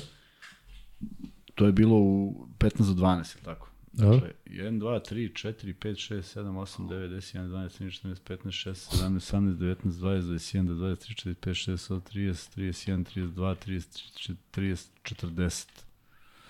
Pa pozoviš jedan, možda imamo novih 40. 40 novih. A šta je, nisam shvatio, dečko je rekao da te donje crte nešto treba da kažem. Nije on rekao samo da kažemo koji nam je nalog. Pa reci. Kako govorim stalno Max Bet nalog, šaljite na Luka i Kuzma Instagram. A, donja crta, Luka i Kuzma i donja crta. Donje Kuzma, Luka i Kuzma, donja crta, Instagram. E, Pa to su ljudi koji znaju i prate nas. da, koji Kuzma ne znaju. tamo svašta nešto objavljuje. U svakom slučaju hvala, ovo je, ovo je zaista ovaj, e, jako lepo videti i taj broj ljudi u programu i sve nekako večeras, osim što znamo da je jedna da jedna polovina tugu, jedna polovina ovaj, slavi, ali takav je Brojnija sport. polovina slavi. Pa, Da, I ovdje kod nas i moguće. generalno znaš da ima više navijača zvezde. Da. E, pitanje za Kuzmu, da li je ikad igrao protiv Slogi? Naravno da jeste. O, jesu, i Koliko sam. utakmica? I za OHK Beograd, i za Zvezdu, i za Beobanku, i za budućnost. Izgubili smo protiv, protiv od sloge 81-80, ja mislim. Uje. Mm. Koji je rezultat bio Zvezda Partizan? Ko je bio Zvezda Partizan? Da, Danas? da. 73-76. A ko je bio Real Monako? Nemam pojma. A Slogi se sećaš, to se Kako sećaš. se ne kako- sjećam čoveče. E, To je bila utakmica, ne taj Real Monaco. Kuzma, da stavimo ovaj, e, da još malo pričamo o NBA-u i da idemo kući, ja? Pa ako morate. E, Vanček, ja moram da iznesem svoje mišljenje o, o Denveru. Dakle, Ajde bre, čekaj. Da se, da moram, spremao sam se za ovo. Dakle, ustanem ja da gledam meč između Denvera i Dallasa. Mavericks i gostuju Nagicima. I Sećate se da sam ranije govorio kako Jokić nema saigrač i kako je to problem i kako sam govorio da su loši, a pogrešio sam. Oni ljudi su tamo mentoli. Kuzma, ti ne možeš da veruješ šta je ono. Ti, ja se u sred noći nerviram, znaš ti koji su ono kreteni. Jokić, gestikulacija i njegovi pokreti, evo ko hoće može da vrati, sigurno postoje neki streamovi da se vrati Dallas Denver. Dakle, onaj mali Highland će biti najveći problem. On je dao tu 30, 20 nešto poena, 5 od 12 šutirao trojke. Dakle, ono je potpuni haos. Um, selekcija šuta, uh, u napadu šta rade. Gleo, i Amerikancu bude neprijatno. Dakle, Reggie Miller i onaj, i onaj kralj drugi, kako se zove, ni Marv Albert, prenose. Njima je neprijatno. Pazi, sad onda oni sve vremena na vreme puštaju kao ko je bio posljednji MVP internacionalni, bio Janis, pa sad Jokić, pa pre toga Dirk, Hakim, Neš. Ali slušaj ovo, samo slušaj ovo, molim te, lajko, Pokušam, Kuku, da lele, ispratim. majku. Pokušam sve da ispratim. E, gledam na telefonu, gledam na telefonu i, i uh, udarim screenshot. Slušajte, oni Jamal Mari. Oni dečko je, znači oni Highlands se sada bore ko će da bude veći šmeker. Ne može da pogodi ništa. Sve promašuje i ulazi 5 sekundi pre kraja i kaže ja uzimam posljednji šut. On pored Jokića uzima posljednji šut. I uzme. I tako se zaleće da ne znaš da li, ja sam mislio da je prekinuta utakmica, da nije. On je nešto šutno iz nek, nešto bacio ovako duše, bilo je s pola. Ali slušaj ovo, plus minus, hoću da pokažem u kameru, da ne bude da, da A nisam. ne vidi se. Ma kako se ne vidi? Pa ja ne vidim. Plus minus. Šta? Sebi tela. Zato što je fokus na tebi. E, sad E, se vidi. Kuzma, slušaj plus minus kada je Jokić na terenu. Starteri. Jamal Murray plus 100. Jokić na klupi minus 29. Kentavious Caldwell Pop, koji ne može da pogodi ništa. Caldwell Pop plus 172, minus 40. Jel ti shvataš koja je to razlika? Hvala. Bruce Brown, plus 54, minus 98, on još može da prođe onaj test inteligencije, iako, iako dečko ima uh, šut, uh, šut sa zemlje. I Jeff Green je naravno tamo se ističe, Deda Green je, Uncle Green je, Uncle Jeff razbija. Aaron Gordon, plus 156 sa Jokićem, minus 36 bez Jokića. I onda Bones Highland, koga malo ne mogu da smislim, plus 5, plus 5, uh, kad je Jokić tu, pazi, sa Jokićem plus 5. Sad misli, s Jokićem imaš samo plus 5, minus 89 bez Jokića. Jeff Green plus 20, minus 67 i Vlatko Čančar koji isto tamo nešto pokušava plus 16, minus 32.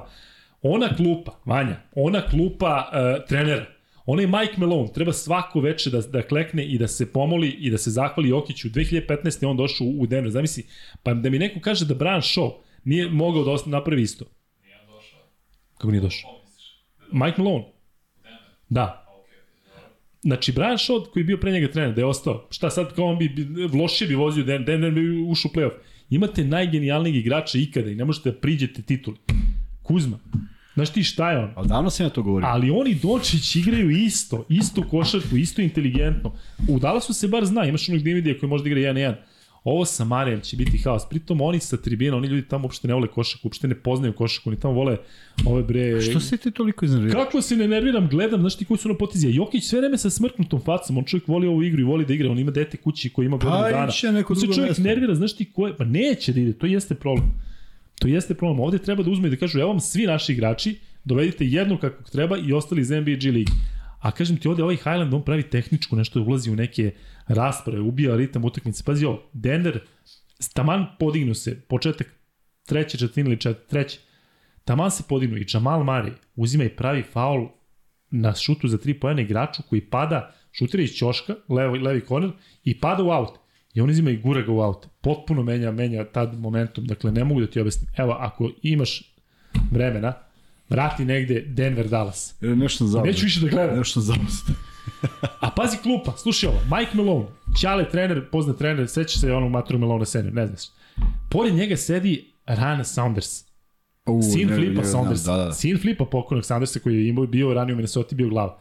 A sa druge strane sedi Adelmanov mali. Pazi, oni se ljudi sprdaju, znači Čalc, treba onaj Ognjen Stojaković koga ti znaš da bude prvi pomoćni trener i da dovedu Darka Rakovića ili nekoga i tamo bre da se forsira.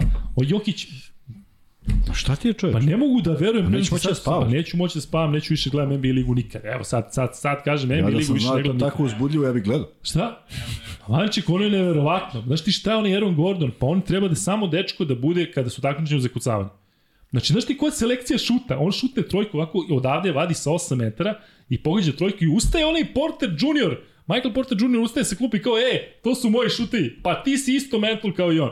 Neću više da se nerviram. Ošte reči, znam nešto zvoni bre kad lupiš, ne lupaj više. Ma bre, e, znači, ali kažem ti imaš genijalca koji u jednom trenutku kaže sad ću ja sam i zaleti se onako ono njegovo i vrlju onu baci i ulazi u koš. Priznaj, faulu. da- da si teo da pre, pretrčimo ovaj derbi, samo da bi Ma pričao. ne mogu da verujem da se, se setim. Ali pazi, i onda mi ovaj pokaže ovo plus minus, plus 200 i minus 100. Sjokić. I oni ne dovedu jednog poštenog igrača 10 godina. Dovedu Diandra Jordana koji je ono IQ minus 70. On im je kao, sad su kao backup centar. Ovo ima godina stariji od mene, mlađi od tebe. Odnosno, kako ćete vidjeti. Dobro. Dakle, ne možete verujete ono Denver Dallas, ali evo ko hoće nek pogleda. Samo nek pogleda. Eto, to je to. Izgubili smo ovde sile neke subscribere i ostalo, ali šta da se radi. Ne, izgubili smo jer je 10 od 2, jer Yes, sutra se šalim radi i ovaj, moramo da polako Moramo da privodimo kraj. Ljudi, hvala vam puno na svemu. Kuzma, ajde još nešto za kraj pa da završimo. A, ništa, hvala na još jednom... Nemamo sutra podcast, izvini Da, da, to nemamo kažem. sutra podcast, Zvezda i Partizan su igrali danas, hvala na druženju i još jednom na još jednoj uzbudljivoj večeri, volimo kad ste tu i volimo i naročito ovo je zaista specifično sa oliko ovaj, reakcija dobrih uh, prija. Prija jer e, mi ćemo baš sutra imati sastanak vezan za sledeću godinu i za neke projekte koje želimo da radimo, za koje je potrebno bezbediti sredstva, pa se nadamo da ćemo uspeti jer imamo u planu sve ono što ne možemo da uradimo u Beogradu da nekako nadoknadimo i odemo na interesantna mesta i da napravimo dobre priče sa ljudima koji to zaslužuju. Sve u live-u, naravno, sve na, na, na neki sličan način, ali Ovo Kuzma obećao da nije baš, da ćemo u live u Mikena, je li to moguće? A? što da ne, pa kako ćemo ga raditi? Pa sad odemo Šabac i radimo Mikena Grušanovića, to moguće se radi u live. Što da ne može? Sve može u live-u telefona? sad. Pa da, Da. kupit ćemo kameru. I ovaj, Kaže neko Luka dobio nijansu Željkove crvene. Jeste. I u svakom slučaju, ovaj, hvala na, na druženju, to sam hteo da kažem i hvala na ovim uh, lajkovima, subscribesima i ostalo. I eto da još jednom kažem da nam je Instagram Luka i Kuzma, imate neke donje crte ovaj, pre Svuda. i posle, ima svuda neke donje crte. U svakom slučaju, neviđen broj. Koliko sam ti poslao danas da imamo ljudi? Evo, sad ću ti reći. Da, Kuzmi svako jutro pošalje, dakle, broj, Da, tako se probudimo. Ja Da, da. pošaljem broj uh, koji broj ima... svega, tako Kuzma je. to prati. Dakle, broj pregleda, naloga, Jeste. svega. Ja pošaljem Luki i napišem danas da ima... Znaš ti koliko smo se mi dopisili posle toga? Ma nije to, nego mi Lazar šalje da našao naočare. Vidite da nemam, vidite da nemam naočare. Kako ćeš kući? 2299. Šta je? Koliko pratioca imate na Instagramu? Da. 2299. Sada, je li tako? Ne, ali Sada. Kuzma hoće da vidi E. koliko je bilo jutros. A jutros je bilo 2248. Znači 51, eto, pa lepo sam izračun. Rekao sam 40. Smo trebali neku fantasy ligu da, da, da nešto. Jao, jesmo. je. Ajde, ali daj da pretrčimo, da, da, da ne zaspimo ovde. Evo, pretrčam. Samo da odgovorim da su naočare ovaj. A, evo ga Fantasy Liga. A neko pitao za Fantasy Ligu? Nije, ali ako hoćeš možemo da ostavimo za ponedljak i da kažemo da u ponedljak Ne, dolazi Gagi. li Tako, Gagi dolazi vjerojatno u ponedljak. Tako. Gagi, da, da, da. Gagi Milosavljević dolazi u ponedljak, a, a onda u četvrtak e, dolazi Bones Highland. Ko? Ček samo da nađem gde. Nije, nije, moramo da pročitamo zato što ovaj, e, je, su se potrudili momci i e, e, e, Eurokup je u pitanju pa da ne bude, da ne bude ovaj... Evo sad ću ti šaljem, Vanja.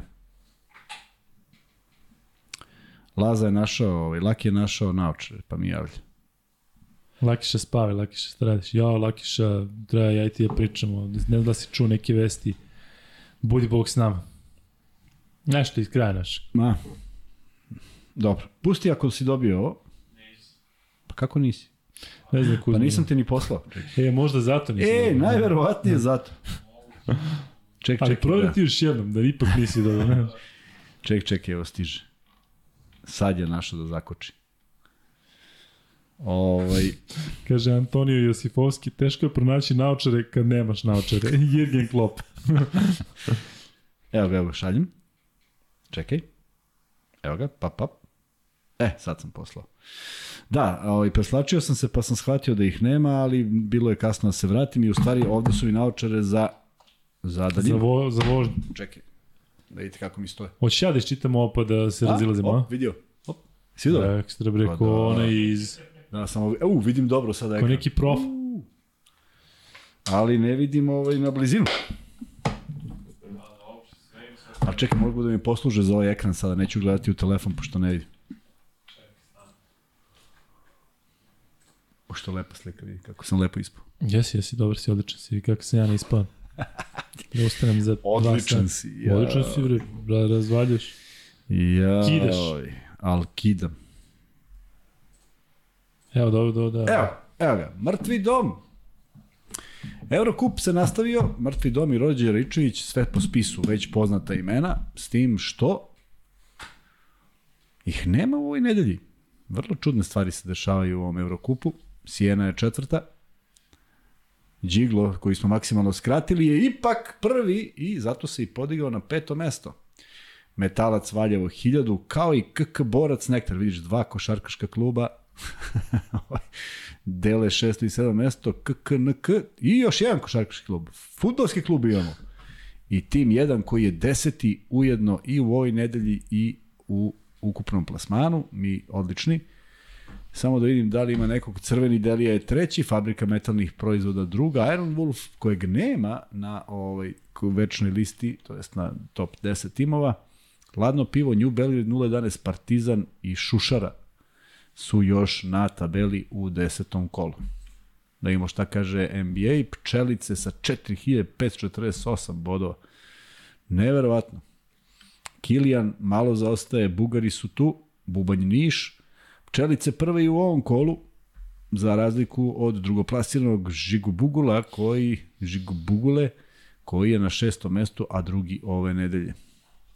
Zaječarsko sedmo, Ražanj Warriors osmi, sve prepoznatljive imena, Playboy 9, KK Podina 10, s tim što se ovde pojavljuje pa ne bih mogao da kažem, ali mislim da KK Sušanj nije bio prošle nedelje u ovaj, to je prošlo čitanje u, na ovoj tabeli, Ražan Warriors četvrti, Kobe Bryant peti, Zaječarsko šesto, Crveni Delija koji je i malo, i, znači ima ga i u Evrokupu, Srbija Rules, Mondo Gecko i Kilian je 226 deseti, tako da nemamo Euroligu koja se završava sutra, a nju ćemo čitati tek u ponedljak.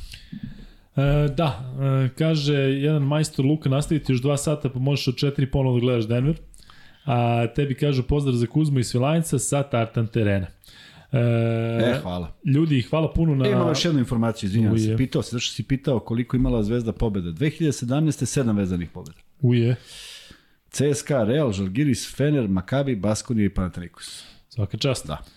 Da se nadamo da će ovaj niz da potraji da će biti bar 8. 7 stvarno je realno sa, sa ovim rasporedom, sa ovakvom zvezdom, ali tako?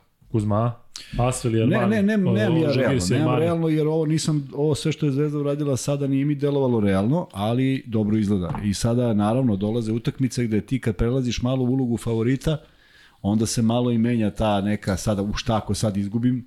Ja mislim da će to uspeti uh, Ivanović da, da kontroliše, ali naravno doći neke utakmice koje, ovaj, šta smiješ? Ti to stvarno si proširio priču u 1.58. Pa jesi me pitao?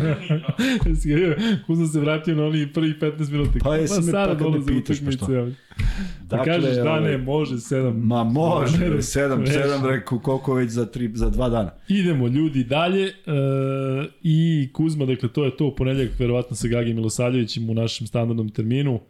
Sutra ujutru gledajte australijsku i izraelsku košarku u pre, prepodnevnim terminima, a naravno uveče ostatak Euroligi. Tako da nema šta, to je to. Završen je 106. 106. podcast. šta je? 106. I hvala puno na gledanosti, hvala puno na svim donacijama, hvala puno na lajkovima, na svim što ste uradili. Ljudi, vidimo se u ponedljak.